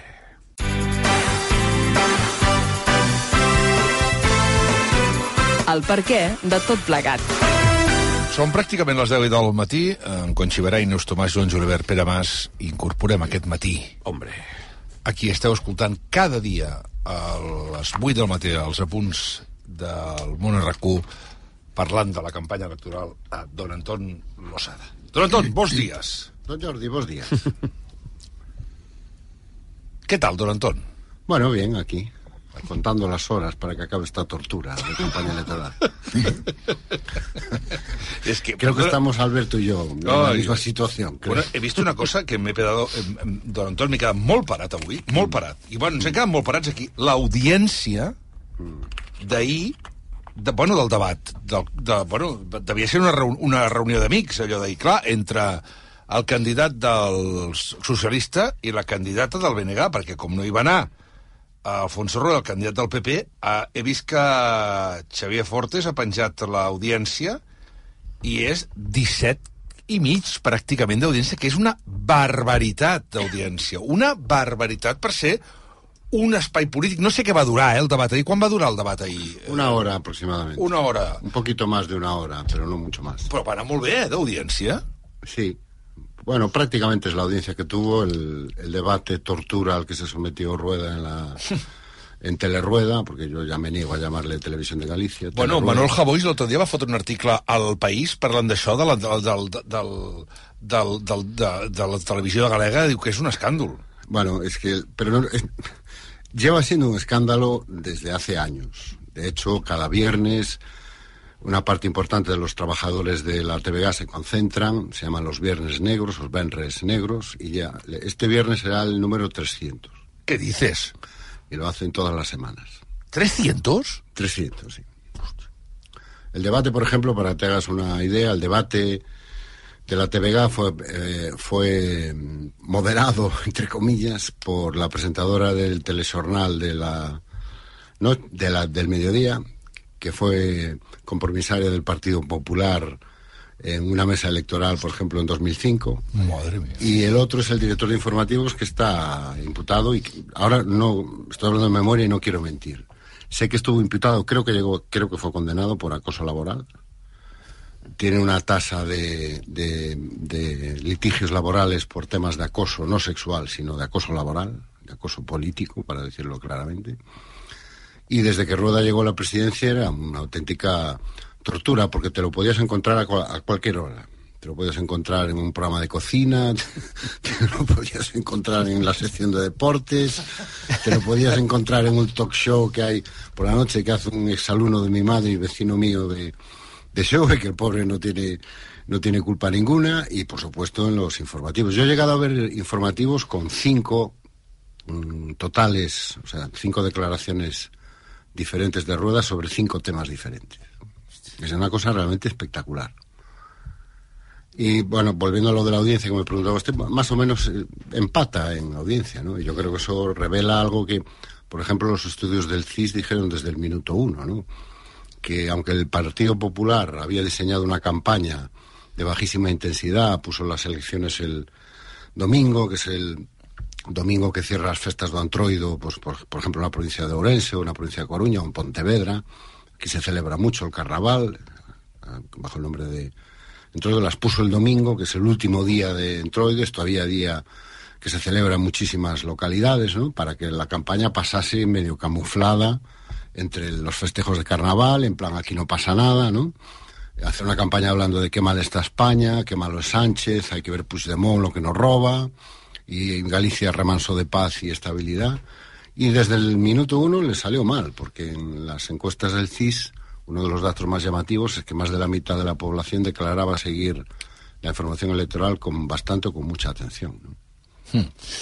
Uh, jo et pregunto, Antoni, obrim el debat, eh? Jo et pregunto uh, què creus que pot passar. És a dir, és evident, és evident que aquí hi ha una... No, les enquestes diuen totes... Eh, totes eh, eh, bueno, podria haver, però no n'hi haurà. Eh? Tu què creus que passarà? Bueno, yo em, creo que lo más probable es que el Partido Popular eh, revalide la mayoría absoluta. Creo que es lo más probable. Ahora, antes de esta campaña, ah, o sea, si, me- si me- usted me, me hubiera hecho esta pregunta, don Jordi, hace un mes, le diría que seguro que la revalidaba. Y eso es lo que ha cambiado. Que también es posible y probable, menos probable, pero probable, que el Partido Popular no llegue. O sea, que va a ganar las elecciones, eso es indiscutible. Pero que se puede quedar en 37, como se quedó en el 2005, o en 36, es posible y es probable. Ahora, en este momento, yo con mi experiencia de llevar gobernado por el Partido Popular prácticamente toda mi vida, y con el conocimiento que creo que tengo de los votantes del Partido Popular y con las encuestas en la mano, parece que lo más probable es que el Partido Popular revalide la mayoría absoluta. Pero la noche está abierta. Y es más, es probable que a lo mejor, si la cosa va muy ajustada, no lo sepamos siquiera esa noche. Y que haya que esperar al recuento del voto exterior. Hay casi medio millón de votantes posibles que pueden... para que se haga una idea, el último escaño de cada una de las cuatro provincias, el, el Partido Popular tiene que perder cinco. Uno parece que ya lo ha perdido, se da por seguro, todas las encuestas se lo dan, en Pontevedra. Y hay cuatro escaños, uno por provincia, que está bailando en un puñado de votos, según todas las encuestas. Si eso se produce así en la noche electoral, claro, el voto exterior puede modificar sustancialmente el resultado. ¿Cuál es la duda que todos tenemos? ¿Cuánta gente habrá votado? Porque salimos del voto rogado, que había fulminado la participación en el voto exterior. Entonces hay que ver, ahora en estas primeras elecciones en que ya no hay voto rogado, vamos a ver qué participación hay. Pero a lo mejor nos tenemos que esperar una semanita para saber exactamente quién gobierna. No, una pregunta més ja donem, eh? que és... Um, què creus que passarà si posem el cas que eh, posem el cas que queda que, que, que eh, la majoria de la suma el bloc de BNG i, el, mm. i els socialistes s'ha acabat Feijó? Ai, tu amigo. Bueno, mi amigo Alberto tiene una capacidad de supervivencia muy acreditada. ¿eh? Yo no lo mataría tan rápido. Hay dos cosas en esta campaña que a lo mejor vistas desde fuera cuesta entender. Eh, está todo el mundo muy excitado con el giro de la amnistía, que si se metió en un lío, que si no. Al votante del PP de Galicia lo de la amnistía le da igual. Le da exactamente igual. Que aquí la gente vota al PP desde hace mucho tiempo y no la vota ahora ni por Sánchez, ni por la amnistía, ni por Cataluña, ni por Puigdemont. Es que es el partido mayoritario, solidísimamente implantado en el territorio, presente en todos los estratos de la vida social. Entonces aquí la gente, muchísima gente es del PP y va a votar PP. Amnistía, no amnistía, da igual. De hecho, yo creo que el gran error de campaña del Partido Popular no fue eh, la famosa cuestión del indulto en diferido. El gran error del PP fue que por primera vez en, toda la era Feijó, tanto por supuesto que aún seguimos en la era Feijó, plantearon una campaña españolizada. Cuando la clave del éxito de Feijó es que siempre galleguizaba sus campañas. Era él, el PP de aquí, los problemas de aquí, y los de fuera venían de turistas y poco. Venían lo justo para que no fuera noticia que no vinieran. Pero todo giraba en torno a lo que pasaba aquí, que es lo que moviliza a sus votantes. Y de hecho la gran rectificación se está produciendo en esta última semana, donde a prisa y corriendo están intentando galleguizar de nuevo la campaña en dos direcciones. Una, el candidato ya no rueda, es fijo. El candidato en este momento es Feijo. Rueda ha desaparecido completamente. Hoy la voz de Galicia pu- publica una entrevista extensísima con Feijo. Yo creo que la idea es clara. Oiga, usted no, olvídese de Rueda. Esto es Feijo sí, Feijo no. Y Feijo es un hombre querido por los votantes del Partido Popular. Lo han demostrado en cuatro elecciones.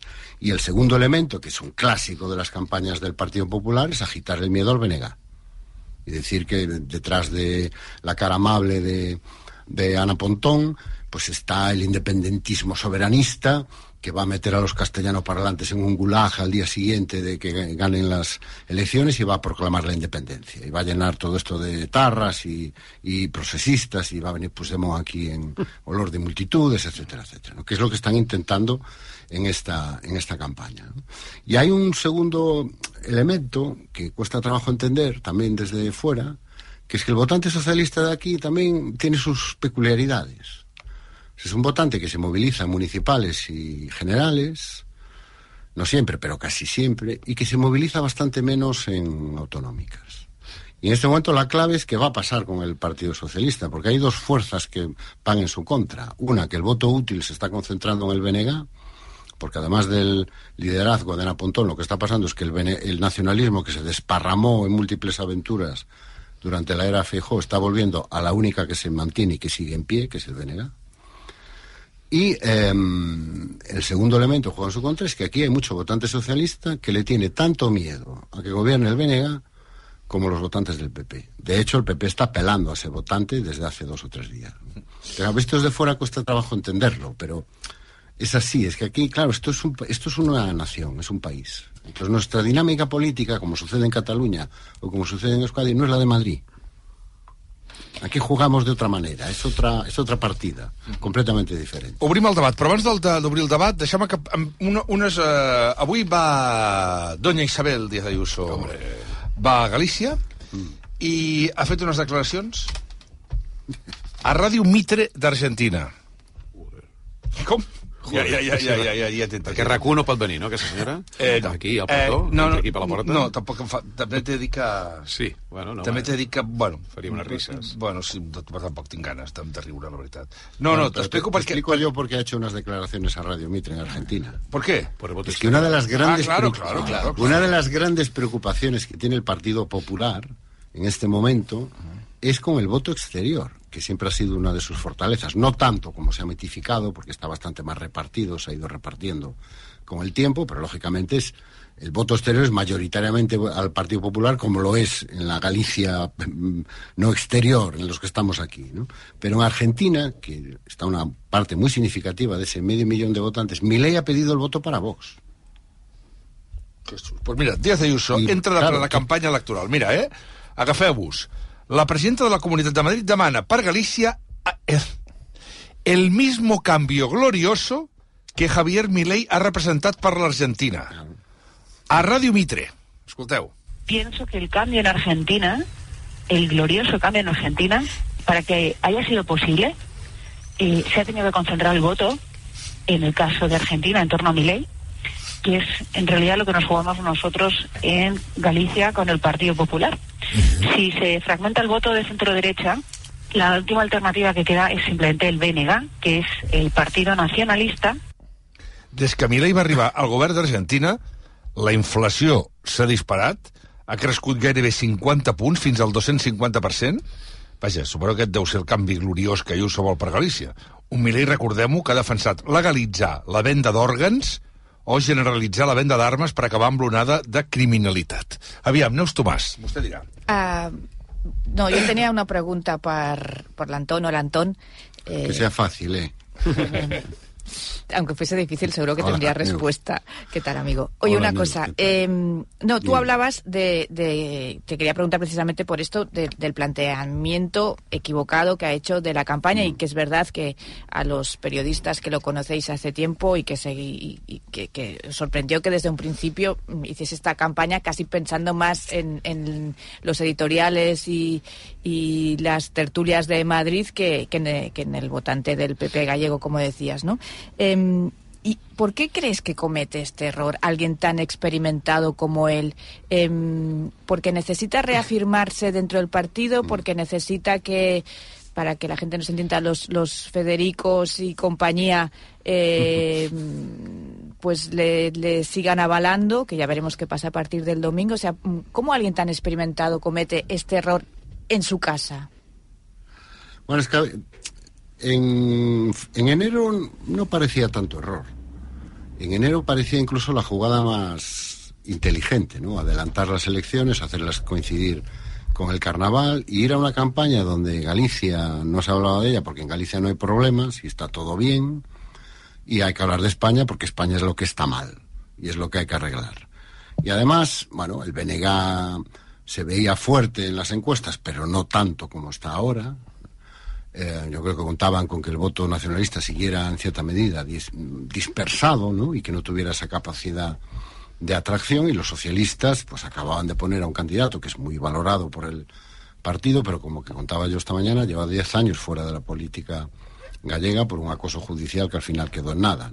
Una historia que se repite, como veis, de manera transversal y en todos los territorios del Estado español. ¿no? Em, ¿Qué pasó?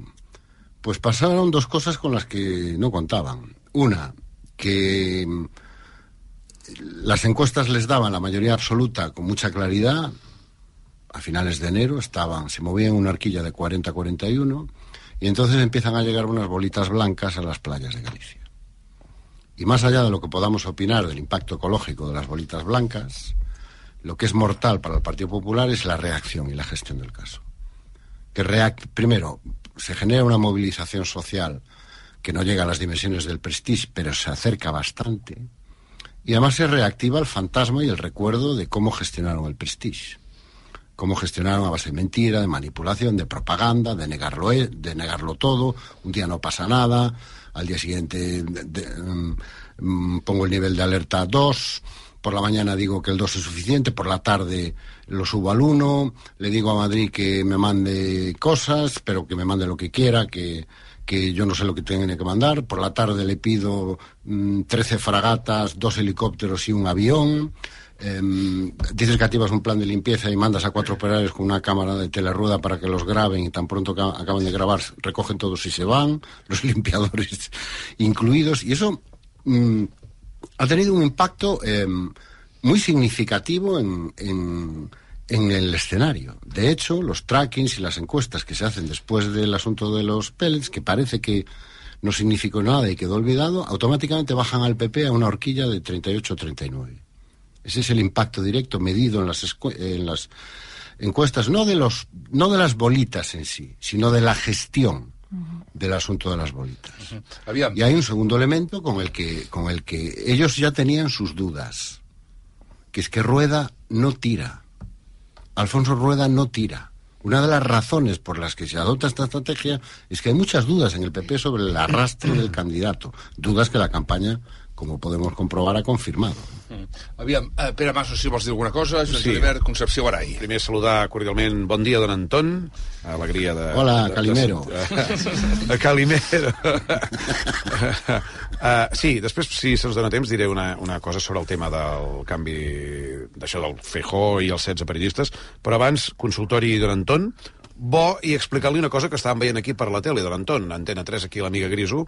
Uh, fa un segon he vist així de passada un assessor en Europa del BNG sí. estuvo, no sé, condenado sí, sí. por ETA. I he vist BNG, Europa, ETA, pum, ja està. I després, no sé qui del BNG també va anar a una manifestació de Batasuna de los presos. Ja està. I clar, això ho veu, o sigui, ho veu molta gent, i ho veu un tipus de gent, no? a part de la gent que veu la televisió gallega. Però anant al consultori Anton, dues preguntes que una, una i mig van quedar una mica contestades, que és, jo també tenia la impressió que aquí estem fent una mica anàlisi com la que es fa de la qüestió catalana des de Madrid, que ho veiem tot molt sí. en clau espanyola, però sense conèixer el Pazo i sense conèixer l'Aldea i sense conèixer les dinàmiques internes de Galícia. Amb la qual cosa tinc la sensació que allò és una bombolla en la que potser aquí ens sembla que està a punt de passar una cosa i potser allà no passarà aquesta cosa. Crec que una mica ens has vingut a dir això, però m'agradaria que ho ampliessis una mica. I l'altre és el tema de, de com creus que eh, influirà el tant per cent de participació. És a dir, a Anna Botella se li atribueix a l'11M a dir eh, a les eleccions posteriors a l'11M a dir joder, com estan votant en Catalunya, hemos perdido. Aquí, creus que hi ha un tant per cent en el que es pugui dir, hosti, han ido a votar los que no van habitualmente a la gent d'esquerra, tal, i pot passar alguna cosa, fins i tot una certa concentració, que els de sumar i Podem s'adonin que no han de llançar el vot, ¿Cómo suena todo eso, estimado don Antón? Bueno, sí, yendo por partes, el asunto de ETA, ayer un tuitero, no recuerdo el nombre, lo decía con mucha gracia, ¿no? Decía, mañana la TVG nos informará de que han de que hay un comando de ETA en Pontedeume, ¿no? eh, porque efectivamente es, la, la, ha encontrado una manera de meter el asunto de ETA aquí en la campaña que por conectarlo con lo que decía al principio, no sé exactamente qué es lo que buscan, porque el votante del PP de aquí tampoco está en esa clave, pero bueno. Contestando a la primera pregunta, eh, es que aquí hay un sistema político diferente. Aquí nunca ha habido un bipartidismo. Aquí lo que había, hay tres espacios políticos. Hay el espacio de la derecha, el espacio conservador, con toda su extensión, que el PP lo ha monopolizado absolutamente y ese ha sido y fue el gran éxito de Fraga, porque hizo crecer el partido no hacia su derecha, donde ya lo tenía todo, sino hacia el centro y sobre todo hacia el centro galleguista, ¿no? Un, un espacio no cuando Fraga llega, en el Parlamento gallego había un partido que se llamaba Coalición Galega, que es equiparable a lo que era en aquel momento Convergencia o, o lo que es hoy el PNV, es decir, un partido nacionalista conservador que tenía 12 diputados. Eso se lo engulle todo el PP. Y el PP adopta el discurso de la lengua, las señas de identidad de Galicia y ocupa todo ese espacio. Hay el espacio progresista, donde bueno está la pugna entre el PSOE y lo que haya en cada momento a la izquierda del PSOE, y después hay un espacio nacionalista. Y en ese espacio nacionalista hay votantes de izquierda, de centro y de derecha. Entonces, la competencia política es diferente. Aquí se, cruza por dos ejes, derecha-izquierda, e nacionalismo, no nacionalismo. Entonces, las dinámicas de mm, progresistas contra conservadores hay que complementarlas con esta visión de nacionalistas co contra o compitiendo contra no nacionalistas. Entonces aquí nosotros tenemos un sistema político propio que tiene sus propias dinámicas, igual que lo tenéis en Cataluña o lo tienen en Euskadi. Entonces, claro, si lo analizas con la óptica de la política española, seguramente entenderás muy poco de lo que está sucediendo. Entonces hay que, hay que adaptar esa lente y que el votante del PPDG de aquí, Una parte... Para que, os hagas dos datos, yo creo que lo explican todo. Uno, la inmensa mayoría de los votantes del PPDG son monolingües y hablan fundamentalmente galego. En el Parlamento gallego, la última persona que intervino en castellano fue don Mariano Rajoy cuando era vicepresidente de la Junta de Galicia. Y no hay ninguna norma en el Parlamento gallego que te obligue a hablar en castellano. Puedes hablar en, en gallego, puedes hablar en galego, puedes hablar en castellano. ¿Qué saben todos, incluidos los diputados del PP y las diputadas del PP? Que o, hablas gallego o estás fuera de la política gallega, no puedes competir. Entonces eso, yo creo que son dos datos que, pueden ayudar a entender por qué eh, las dinámicas políticas aquí son diferentes y por qué fue un error tan grave, visto ahora con perspectiva, lógicamente, españolizar la campaña. Porque aquí las campañas que le han funcionado al PP le funcionaron con Fraga y le volvieron a funcionar con Feijó. Son las campañas centradas en lo que pasa aquí.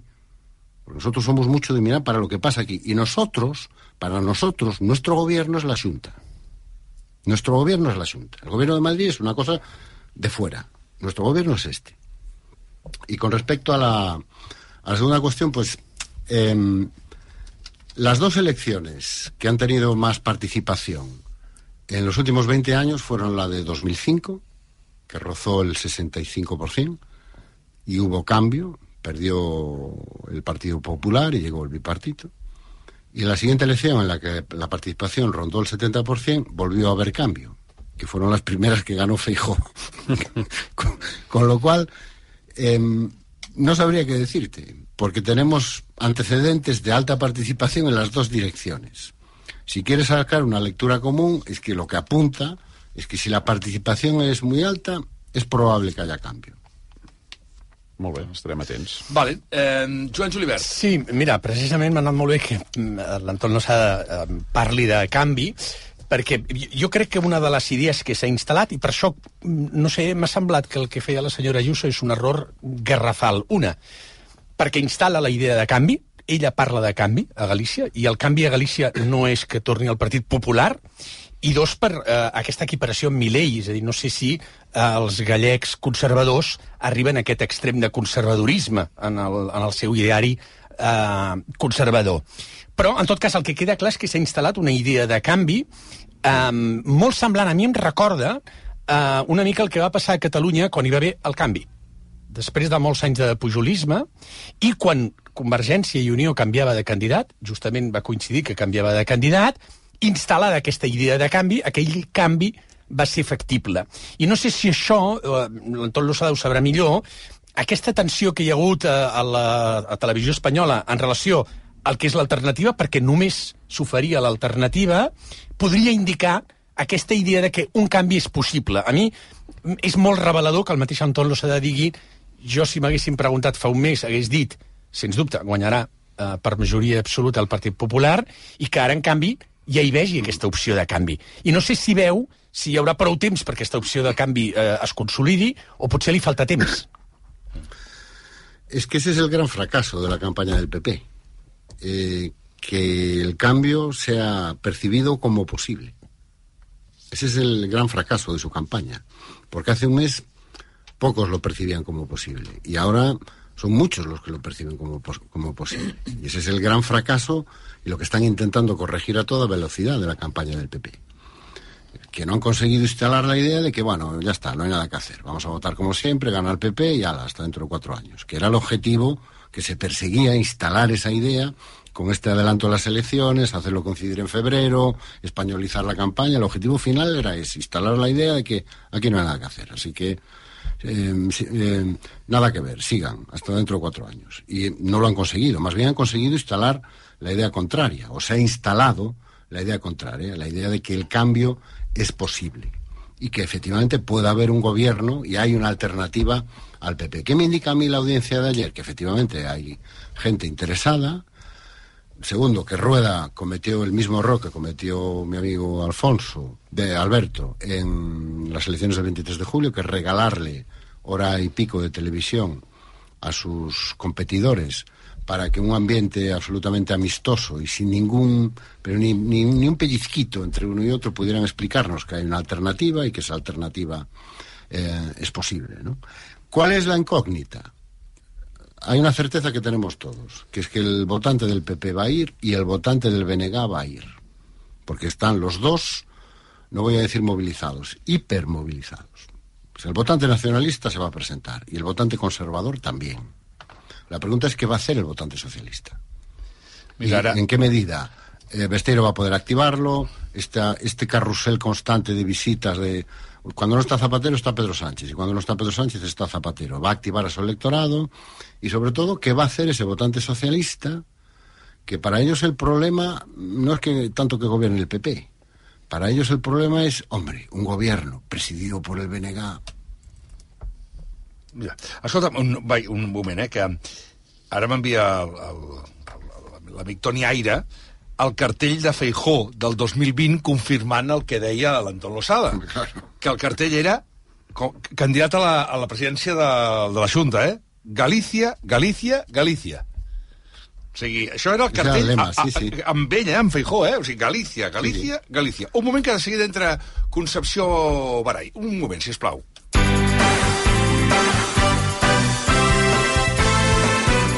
El per què de tot plegat.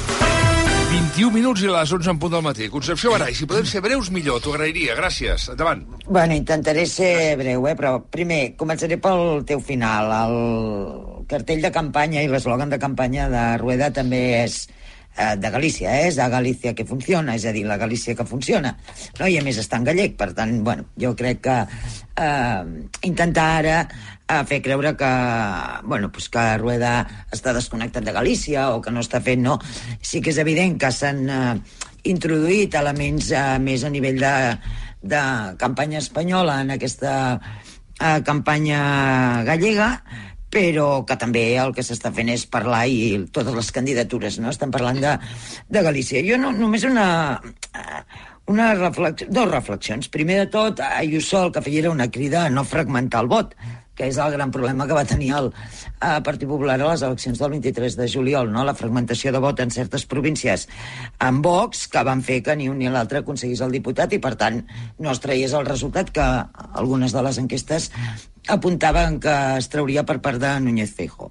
Y la otra, y, es, y Antón, tú lo has dicho, tú mismo lo has dicho, eh, que el votante del PSOE, el- hay una parte del votante importante que lo que sí que tiene es miedo al BNG. ¿Eh? Esto lo, lo has, lo has dicho tú, ¿eh? porque yo la realidad social de Galicia la desconozco y por lo tanto he escuchado atentamente todo lo que nos decías sobre la sociedad gallega. Por lo tanto, yo no veo o no, o no entiendo cómo dices con tanta contundencia que, que este hablar del BNG o que se visualice que si hay un cambio siempre será liderado por el BNG sea un error cuando si tú estás intentando o estás buscando que este target de votantes, que es el votante del PSOE, que no sabe si va a ir a votar, se lo está pensando precisamente porque lo que no quiere es BNG. Y por lo tanto lo que tienes que intentar tú, y en este caso el Partido Popular, es movilizarlo para que te vaya a votar y evite efectivamente que haya el cambio, no por el cambio de por sí mismo, sino por el cambio representa al, al.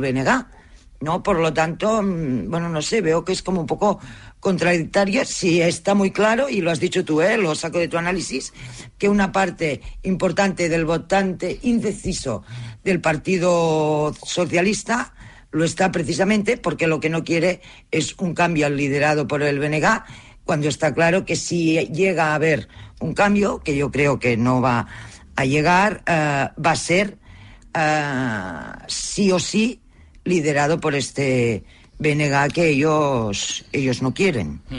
A ver, me he debido explicar mal. Yo eh, no he dicho que sea un error. He dicho que esa es la campaña de siempre del Partido Popular, agitar al miedo al BNG. Lo que he dicho que es un error es conectar el BNG y ETA. Porque no es eso lo que le preocupa al votante popular del BNG.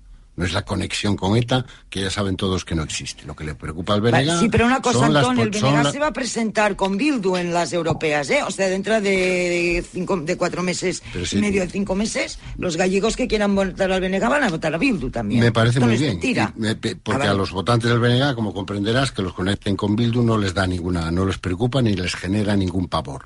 Yo lo único que te digo es Ya, que sacar a ETA la campaña en Galicia no les aporta absolutamente nada. Porque lo que temen y lo que les preocupa a los votantes del Partido Popular de Galicia, del BNG, no es su conexión con ETA, es el miedo a que pongan en marcha determinado tipo de políticas, por ejemplo, con la gestión de las tierras, con la propiedad, la política fiscal, lo que puedan o dejen de hacer con el idioma en la educación, etcétera, etcétera, etcétera. ¿no? Pues en segundo lugar, eh, lo que le preocupa al votante del indeciso del PSOE no es que le asuste el BNG, que no le asusta. Lo que no quiere ese votante o una parte de los votantes del PSOE es que el BNG vaya por delante del PSOE. O sea, que es diferente. No les preocupa, no les asusta el BNG. Lo que les molesta y lo que los puede retener de ir a votar es que yo quiero cambio, pero liderado por el PSOE, no liderado por el BNG. Esa es la, esa es la dinámica que el BNG está, está intentando mitigar, haciendo un llamamiento para concentrar el voto útil y atraer y, poder suplir con lo que pueda recibir de otros espacios electorales, de, otros espacios políticos, las pérdidas que puede generar el PSOE y que también está, está intentando corregir el propio PSOE lanzando un mensaje de que nos vamos a entender no, y que lo importante es que haya cambio y no quién va primero o quién va segundo. ¿no? Entonces, yo creo que no hay contradicción en todo lo que estamos exponiendo. Pues lo que dices de que, hombre, solo faltaría que se presentara con un eslogan que dijera la Cataluña que funciona. Entonces, el- se menciona Galicia, sí, pero en, las, en la primera semana de campaña, creo que lo comenté yo aquí en alguna de las, de las píndolas, por cada vez que decía Galicia, decía tres Cataluña. Nos caían tres Cataluñas y dos Euskadis. Porque además es que era la estrategia del partido, pero es que no te lo ocultaban. Era eh, Puigdemont amnistía, amnistía Puigdemont, Puigdemont amnistía, amnistía Puigdemont. Y Galicia bien porque está todo en orden. Así que para qué nos vamos a ocupar de este asunto. Y es eso lo que están intentando corregir ahora a toda velocidad. Y en ese ejercicio de corrección todavía se engrandece más el error que yo creo que cometió ayer Alfonso Rueda. Y que solo se explica por una razón, que es que la gran debilidad del Partido Popular, como ellos mismos se temían, y por eso diseñaron la campaña como la diseñaron, es su candidato. Y por eso están intentando reemplazar al candidato y que la gente tenga y visualice con claridad que no va, esto no va de rueda, esto va de fijo. Aviam, Pere, vas breu, sisplau? Intentaré ser breu. Gràcies, Anton. intenta-ho, i aconsegueixo, Em- Mira, sisplau. u, em fascina la repetició de l'error, no només de no presentar-se als debats, sinó de, a mitja campanya les coses poden anar més o menys bé i comet un error. Va passar amb la narcollanxa, us en recordeu? En Feijó dient, és un contrabandista, i ha passat ara amb aquest off the record famós. Per cert, si tu estàs en una sala amb 16 periodistes, hi ha algun assessor que si t'estàs passant et diu oye, frenan, o el ha dicho, decir esto. Vull dir que no és un calentón, lo de la Feijó amb el dinar, el Feijó, de la font del PP que digués això amb els periodistes, sinó que és una cosa dita premeditadament, errònia, però premeditadament. I sobre la teoria de la voladora controlada, llenço una teoria conspiratòria. Es percep que és que Junts en qualsevol moment pot sortir un comunicat del Puigdemont dient ah, me ofrecieron esto. Potser no només és això el que tem el PP, perquè hem de recordar que eh, hi ha una policia que pot escoltar, hi ha uns Pegasos en marxa, hi ha un CNI, hi ha un SOE al darrere, hi ha... eh, Bueno, tota la gent de Junts, sobretot els que estan fora, estan sent més o menys monitoritzats. Per tant, potser algú intueix que l'Estat, entenent l'Estat com qualsevol element, pot tenir informació del que es va parlar. No només tenen por de Puigdemont, sinó que potser tenen por de l'Estat. Això és el que volia apuntar. Molt bé. Escolta'm, la setmana que ve, más i mejor. Don Anton, demà ens ho escoltem novament, eh? Don Jordi. Un abrazo muy dies. fuerte. Un Bons abrazo. dies a Bons dies, bons dies, bons dies. 10 i 47 minuts. Un segon, que d'aquí uns moments col·loco dos personatges de la redacció en aquest estudi Ai. per parlar d'una sèrie jo us la recomano que us la miri. Tres capítols... Ja es pot veure? Sí, sí, sí. Ja em vaig entrar a Netflix. Pícaro. El pequeño Nicolás.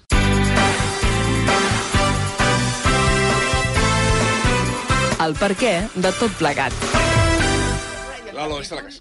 Hola, perdoneu que estem en directe. És que estàvem aquí parlant de sèries. No, Sí, mira, sí. ha passat perquè l'estimada eh, Mònica Hernández m'ha preguntat quina sèrie estàs, eh, estàs eh, estava mirant, que he dit abans de terror. Sí. I dic, mira, he tornat a començar American... Eh, eh, Horror History.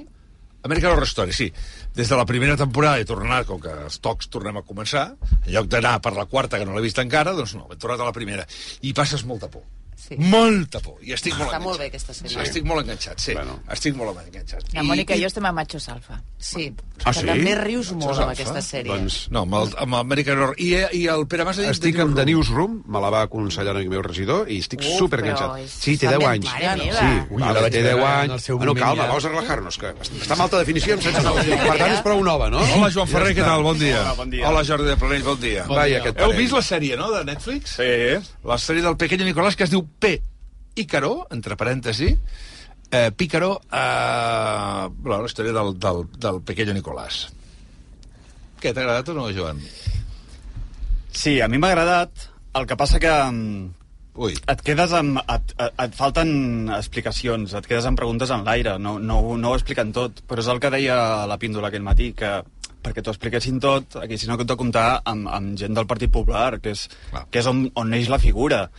I clar, no, no, ningú s'hi posarà. Però expliquem que la part està esbiaixada, perquè no, esbiaixada, no és esbiaixada, és a dir, el PP no ha volgut participar. Ningú del PP ha volgut participar, perquè demostra perfectament com van fer créixer un nano que se'ls va fer gran, que ell- ells no es devien ni donar ni compte que creixia, però, hòstia, però és que tu veus... Clar, jo no ho recordava, jo tot això no ho recordava, però veus coses. Clar, és que te'n fas creus de, de, de com pot aparèixer un personatge així, eh, de com li poden anar, anar donant poder de mica en mica, d'on- de, de, de on, fins on pot arribar, no? que apareix al, al, a la mateixa coronació del rei Felip VI, Molt bèstia, eh? i que, no sé, sembla que formi part de, de, això, de, de, de, de, de, de l'ADN espanyol, no? La figura Sí, sí. aquesta del... Del, del, Del Pícaro, el del Tormes. Sí, sí. Um, però és, divertit. El és que divertit. deia, ho he dit, vull tres vegades, ho diré les vegades que faci necessari, i, i, i, que és, com, diu el, com deia el Joan Poquí de Mundo Deportivo una paraula que no és catalana ni es pot dir, però que tots entenem, és un sinvergüenza, que deien el cap del Barça amb un àrbitre, és un sinvergüenza. Doncs ell mateix s'hi autoproclama, no, Jordi? Sí, ell diu que durant una època es va considerar Déu Nostre Senyor, però no només um, perquè tingués una espècie de, de, com t'ho diria, de síndrome narcisista, sinó també perquè les persones del seu entorn, i no parlem d'un grup d'amics, sinó d'alts càrrecs del govern espanyol, també el feien sentir una persona poderosa fins al punt de sentir-se Déu. Jo crec que la sèrie és un bon repàs a tot, eh, a tot el reguitzell de capítols mediàtics que en el seu moment vam conèixer del Pequeño Nicolás i que molts ja havien quedat eh, en un calaix eh, abandonat de la memòria. Mm. Per tant, és una bona manera de, de recuperar tots aquells episodis eh, que en alguns casos són eh, surrealistes i en d'altres gairebé sòrdids. Um, però, com ara deia en Joan, hi ha moltíssimes preguntes que continuen quedant a l'aire. Segurament perquè, d'una banda, no han pogut comptar amb el testimoni del PP i després perquè ell mateix, tot i ser un dels protagonistes de la sèrie documental, tampoc acaba d'explicar exactament eh, quin era el seu paper en tot Queden plegat. molts dubtes oberts. Sí, eh, em, perquè explica, no, eh, jo per exemple col·laborava amb el secretari d'Estat d'Economia, que era Jaime García Legaz, és a dir, el número 2 de Luis de Guindos al Ministeri d'Economia, en, en molts temes empresarials, com per exemple en l'AVE a la Meca, però no acaba d'explicar exactament eh, en què s'haurien concretat les seves gestions. O també explica que era col·laborador del CNI, una tesi que corrobora eh, el comissari Vilarejo, un dels testimonis que apareix a la sèrie documental, i que també hem pogut corroborar nosaltres a través de documentació a la qual hem tingut accés, perquè hi ha eh, trucades entre el Pequeño Nicolás i la subsecretaria eh, del Ministeri de Defensa, que és la que estava adscrita precisament al CNI, i no a, a les centraletes, sinó a números de telèfons específics que no hauria pogut aconseguir eh, consultant les pàgines amarilles. Per tant, eh, queda clar que hi havia una relació entre eh, Francisco Nicolás i, i el CNI, però, tot i això, tampoc acaba de quedar clar què hauria fet exactament, en quines operacions hauria participat. Sí que n'apareixen un parell, eh, però costa molt aclarir per ordre de qui va participar. I quines són aquestes dues operacions? Doncs bàsicament l'operació Catalunya s'hauria reunit amb els Pujol i amb Javier de la Rosa, eh, amb Javier de la Rosa podem treure el condicional perquè hi ha una gravació que ho testimonia, i també hauria participat en una operació per protegir la monarquia amb el tema del cas Nus. Això, diguem-ne, són els elements que hi ha al damunt de la taula i que al final acaben surant eh, perquè costa molt eh, que, que el documental aporti proves que, que, que els encorin adequadament a, a, a la realitat. Ara, com a repàs a un episodi mm, surrealista de la història d'Espanya, que a més a més és molt simptomàtic, jo crec que la sèrie està molt bé. Val. Estic d'acord, eh? És a dir, veient la sèrie, primer ell ser una cosa, que és que Netflix no, no, Netflix no el pot lluir perquè està pendent eh, d'una resolució la setmana que ve, dimecres i dijous de la setmana que ve, o l'altra, sobre, sobre el seu cas, amb la qual cosa ell no pot obrir la boca perquè, perquè si la pífia pot tenir un ensurt. Eh, però si tu veus la sèrie, et falten, com deia el Joan, et falten... Et falten... O sigui, l'únic... El, el que demostra molt clarament la sèrie, molt clarament la sèrie, és que com una criatura crec que no veig, Joan, com una criatura, perquè estem parlant de que comencen 14 anys, està a totes les fotografies, a totes.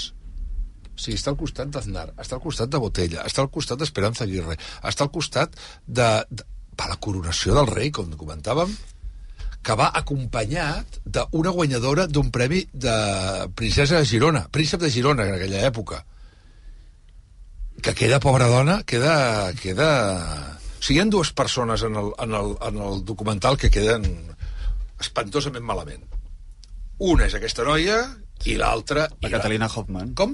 Catalina Hoffman. Catalina Hoffman, efectivament, i l'altra, que el pitjor que queda, el pitjor, però el pitjor que queda bueno, com un prevaricador, però de manual, és Miguel Bernat, el president de Manos Límpies. Hombre. Bueno, bueno, perquè el, el, el periodista, xapó pel periodista, l'enganxa amb un renuncio econòmic que diu, ui, hòstia, hòstia, hòstia. És que diem això de sinvergüenza, però és que de sinvergüences ja n'havíem conegut a Espanya i a Catalunya, i és igual. Però el, el que sobta és que sigui un sinvergüenza precoç, perquè amb 14 anys...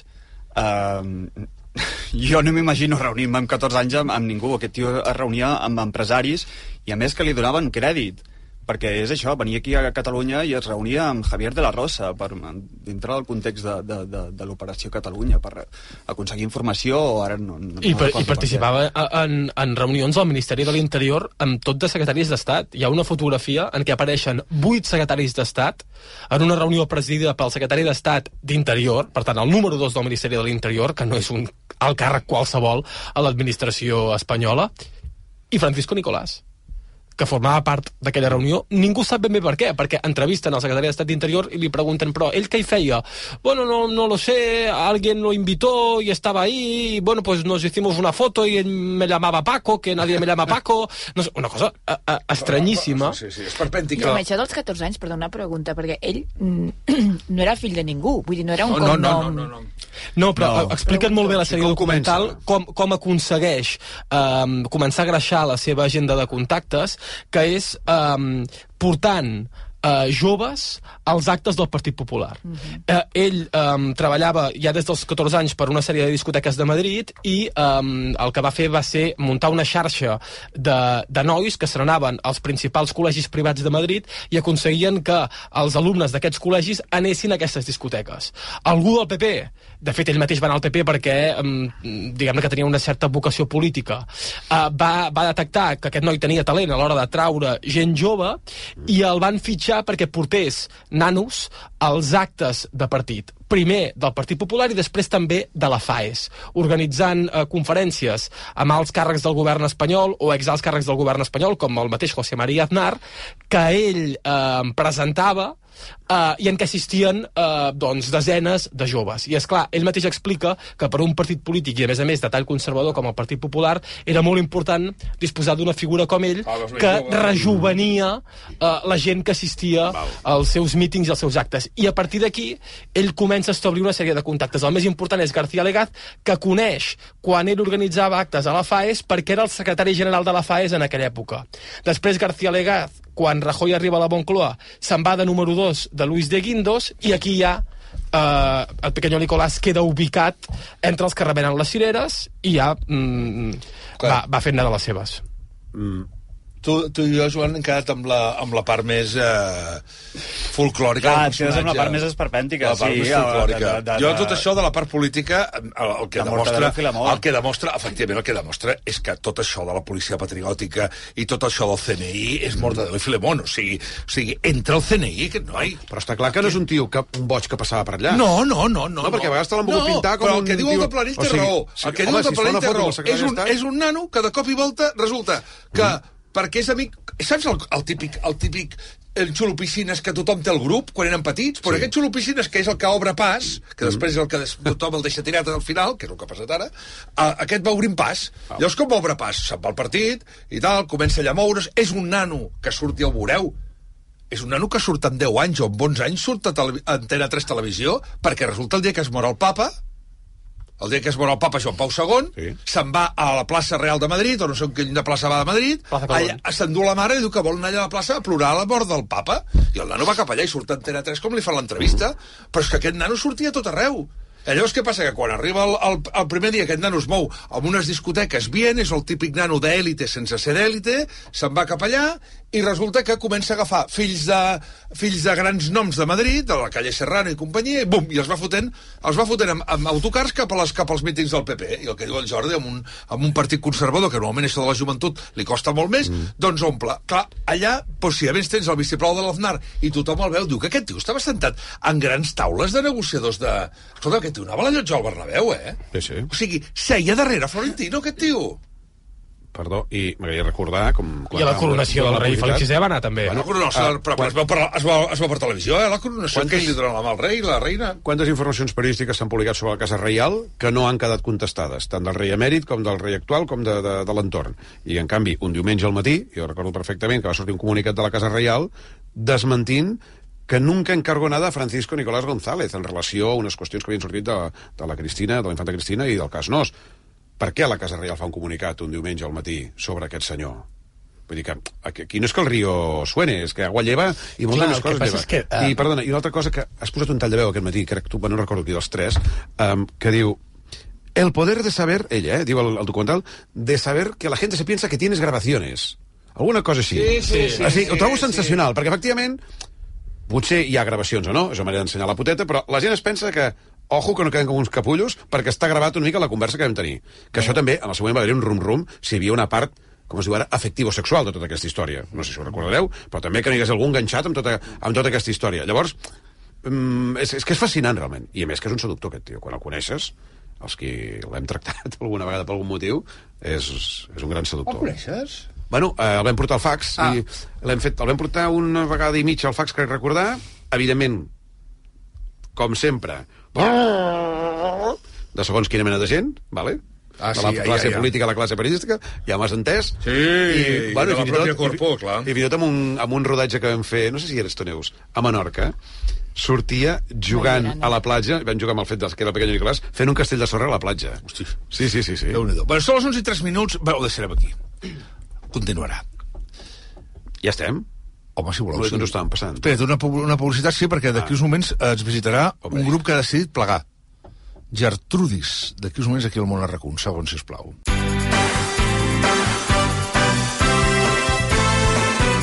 El per què de tot plegat. Les 11 i 7 minuts. Anem acabant, però abans una cosa que... Què ha passat? Aviam, sí. Carai. Um, Víctor Font, el, el opositor, mm. uh, diguem opositor, el, uh, de Joan Laporta, diguem-ho, candidat, diguem-ho, sí, candidat a la presidència a les últimes eleccions de la presidència del Barça, ha fet una nota pública, una carta oberta al soci del Barça, en què critica, així resumint-ho, Econòmicament, els últims 3 anys hem generat 1.000 milions de pèrdues operatives, hem venut patrimoni a socis externs, alguns poc fiables, de dubtosa reputació, que no paguen el que deuen i que no han aportat cap valor al club.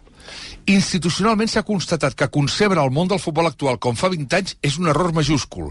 Gestionar el Barça amb amics i familiars i des de les trinxeres sense capacitat per retenir executius de prestigi és impropi de la magnitud que té el club. I anar de bracet del Real Madrid i Florentino Pérez, un fet sorprenent que encara ningú ha explicat. Sense un pla i sense professionalitat, tot un troll, trontolla. També en l'àrea social, on continuem veient com el club es governa d'esquenes als propietaris. Amb assemblees únicament telemàtiques, poca transparència, sense sensibilitat pels qui fan desplaçaments o pugen a Montjuïc i sense incentius que facilitin la participació, la sensació de resignació s'ha escapat entre la massa social, i això és molt preocupant. Inevitablement aquest desgavell ha transcendit als despatxos per afectar també l'esport. Tots esperaven que Xavi pogués treure més profit de la plantilla, però els canvis a la direcció esportiva, fitxatges que no eren prioritaris i una mala gestió econòmica que ens ha lligat de mans i peus no hi ha ajudat gens. Mai sabrem com hauria funcionat el primer equip si la gestió hagués estat professional i tot hagués encaixat. Per això, Víctor Font proposa refundar el club, canviar el model de gestió, professionalitzar-lo, modern, modernitzar-ne la governabilitat i dotar-lo de mecanismes de control extern reals i efectius. Carai, Víctor Font, tu una entrevista, Víctor Font. Sí, estaria bé que expliqués què vol dir canviar el model. Sí, exacte, estaria Perquè bé. com que es parla de les societats anònimes Ja. i tot això... El convidarem si vol venir al programa, Víctor Font, no estaria malament. Digues, digues. El, pe el pequeño Nicolás, que és fascinant, aquest Sí, personatge. també, també, tot és eh? fascinant. Vinga, pa'lante, pa'lante. Vinga, som-hi. Avui que hem arribat i el Pere Mas ha dit que venia com si haguéssim fet el Kilimanjaro. Home, quants metres té el Kilimanjaro, Pere Mas? No sé, 7 o 8.000, 8.000... 5.845. Eh, com a molt tu i jo hem fet, hem 8.000 pujat és tres Everest. pisos. Per tant, ets molt exagerat, Pere Mas. Pere Mas, més conegut com a Calimero per Don Anton Losada. Sí. Hem començat parlant d'aquesta iniciativa de l'Ajuntament de Nova York de denunciar aquestes grans cinc responsables de les xarxes socials. La Neus que ha dit que bé, que pot ser una iniciativa a seguir, el Joan que ha qüestionat que els poders públics només utilitzin aquesta via legal, que potser n'hi han d'haver d'altres, la Concepció que ha dit que és responsabilitat de tots, i eh, l'Alpera que ens ha explicat el seu nou protocol de- d'autorització de, del mòbil. Ha admès que era una... És que estic M'està trucant al trucant. Pere per veure si trucant. està escoltant-me Sí, o no, pendent no, del no, mòbil. I escoltant. ha estat pendent del telèfon. Clar. Malament, Pere Mas. Bueno, però si ja heu dit que era addicte, però t'estic escoltant molt atentament. Sí, sí, I ja, encara ja, no has ja. dit el més heavy que he dit. De quin tema? Ja veuràs, ja t'ho diré al final. Molt bé, bueno. Ja que m'estàs punxant. En fi, Pere. Mas, que has dit que per batallar amb empreses, amb gegants de, com aquests, doncs caldria ser el govern dels Estats Units. Veurem on arriba aquesta denúncia de Nova York. Vinga, anem a Galícia, perquè don Anton Losada ha dit que el més probable és que el PP sí que aconsegueixi la majoria absoluta i ens ha explicat això del Viernes Negro, que és que els treballadors de la televisió d'en Rueda, vull dir, la televisió gallega, es concentren cada divendres per denunciar justament doncs, que molta pluralitat no hi hauria en aquesta televisió. Vinga, la relació entre el Pere Mas i la Concepció Barai. Ell ha dit, Pere, fa dues setmanes que coincidim. No només coincidiu, sinó que ha copiat una expressió teva sí? portes al camp, l'ha dit ah, ella, bueno, sí, clar. per tant està interioritzant el teu personatge. Pere Mas, molt malament per dir portes al camp i després... Eh, no avisis als tertulians de ara això que diré sonarà molt de dretes. Això, en el decàleg del tertulià, fatal. No. I el pitjor que has fet avui, Perquè Pere Mas... després, no, perquè després sonen menys de dreta. No, no, si i el això. pitjor que has fet avui, Pere, que és la lliçó zero del decàleg del tertulià, és és que tinc raó. Ah, sí? Escolta, prou. Prou, molt bé. Si tinc raó, es diu, ja està. Quina altra cosa havies dit així greu? Uh, que una parella són dos. Vinga, És que era la frase final. Ah, vaja, Hòstia, perdona, Pere Mas. perdona, Molt bé. perdona. Doncs la Sí, sí. frase final No sé que s'havia dita. produït amb el meu calimero Pere Mas a les 9 i 52 eh, ha dit una parella sempre són dos. Abans,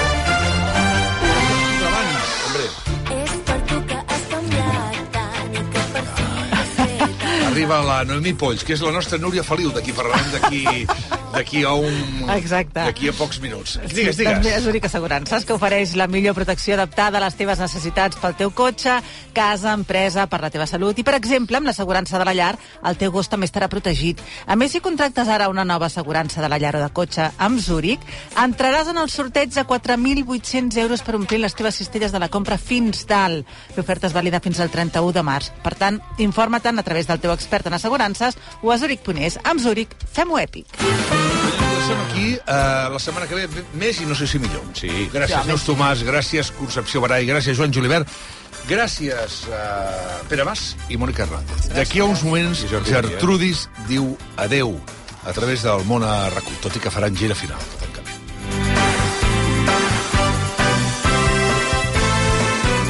El per què de tot plegat.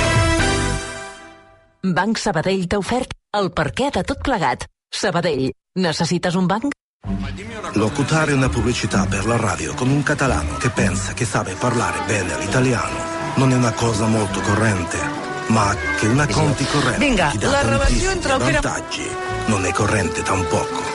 Compte un Banc Sabadell, el compte corrent menys corrent. Informa Dani Festa client a bancsabadell.com.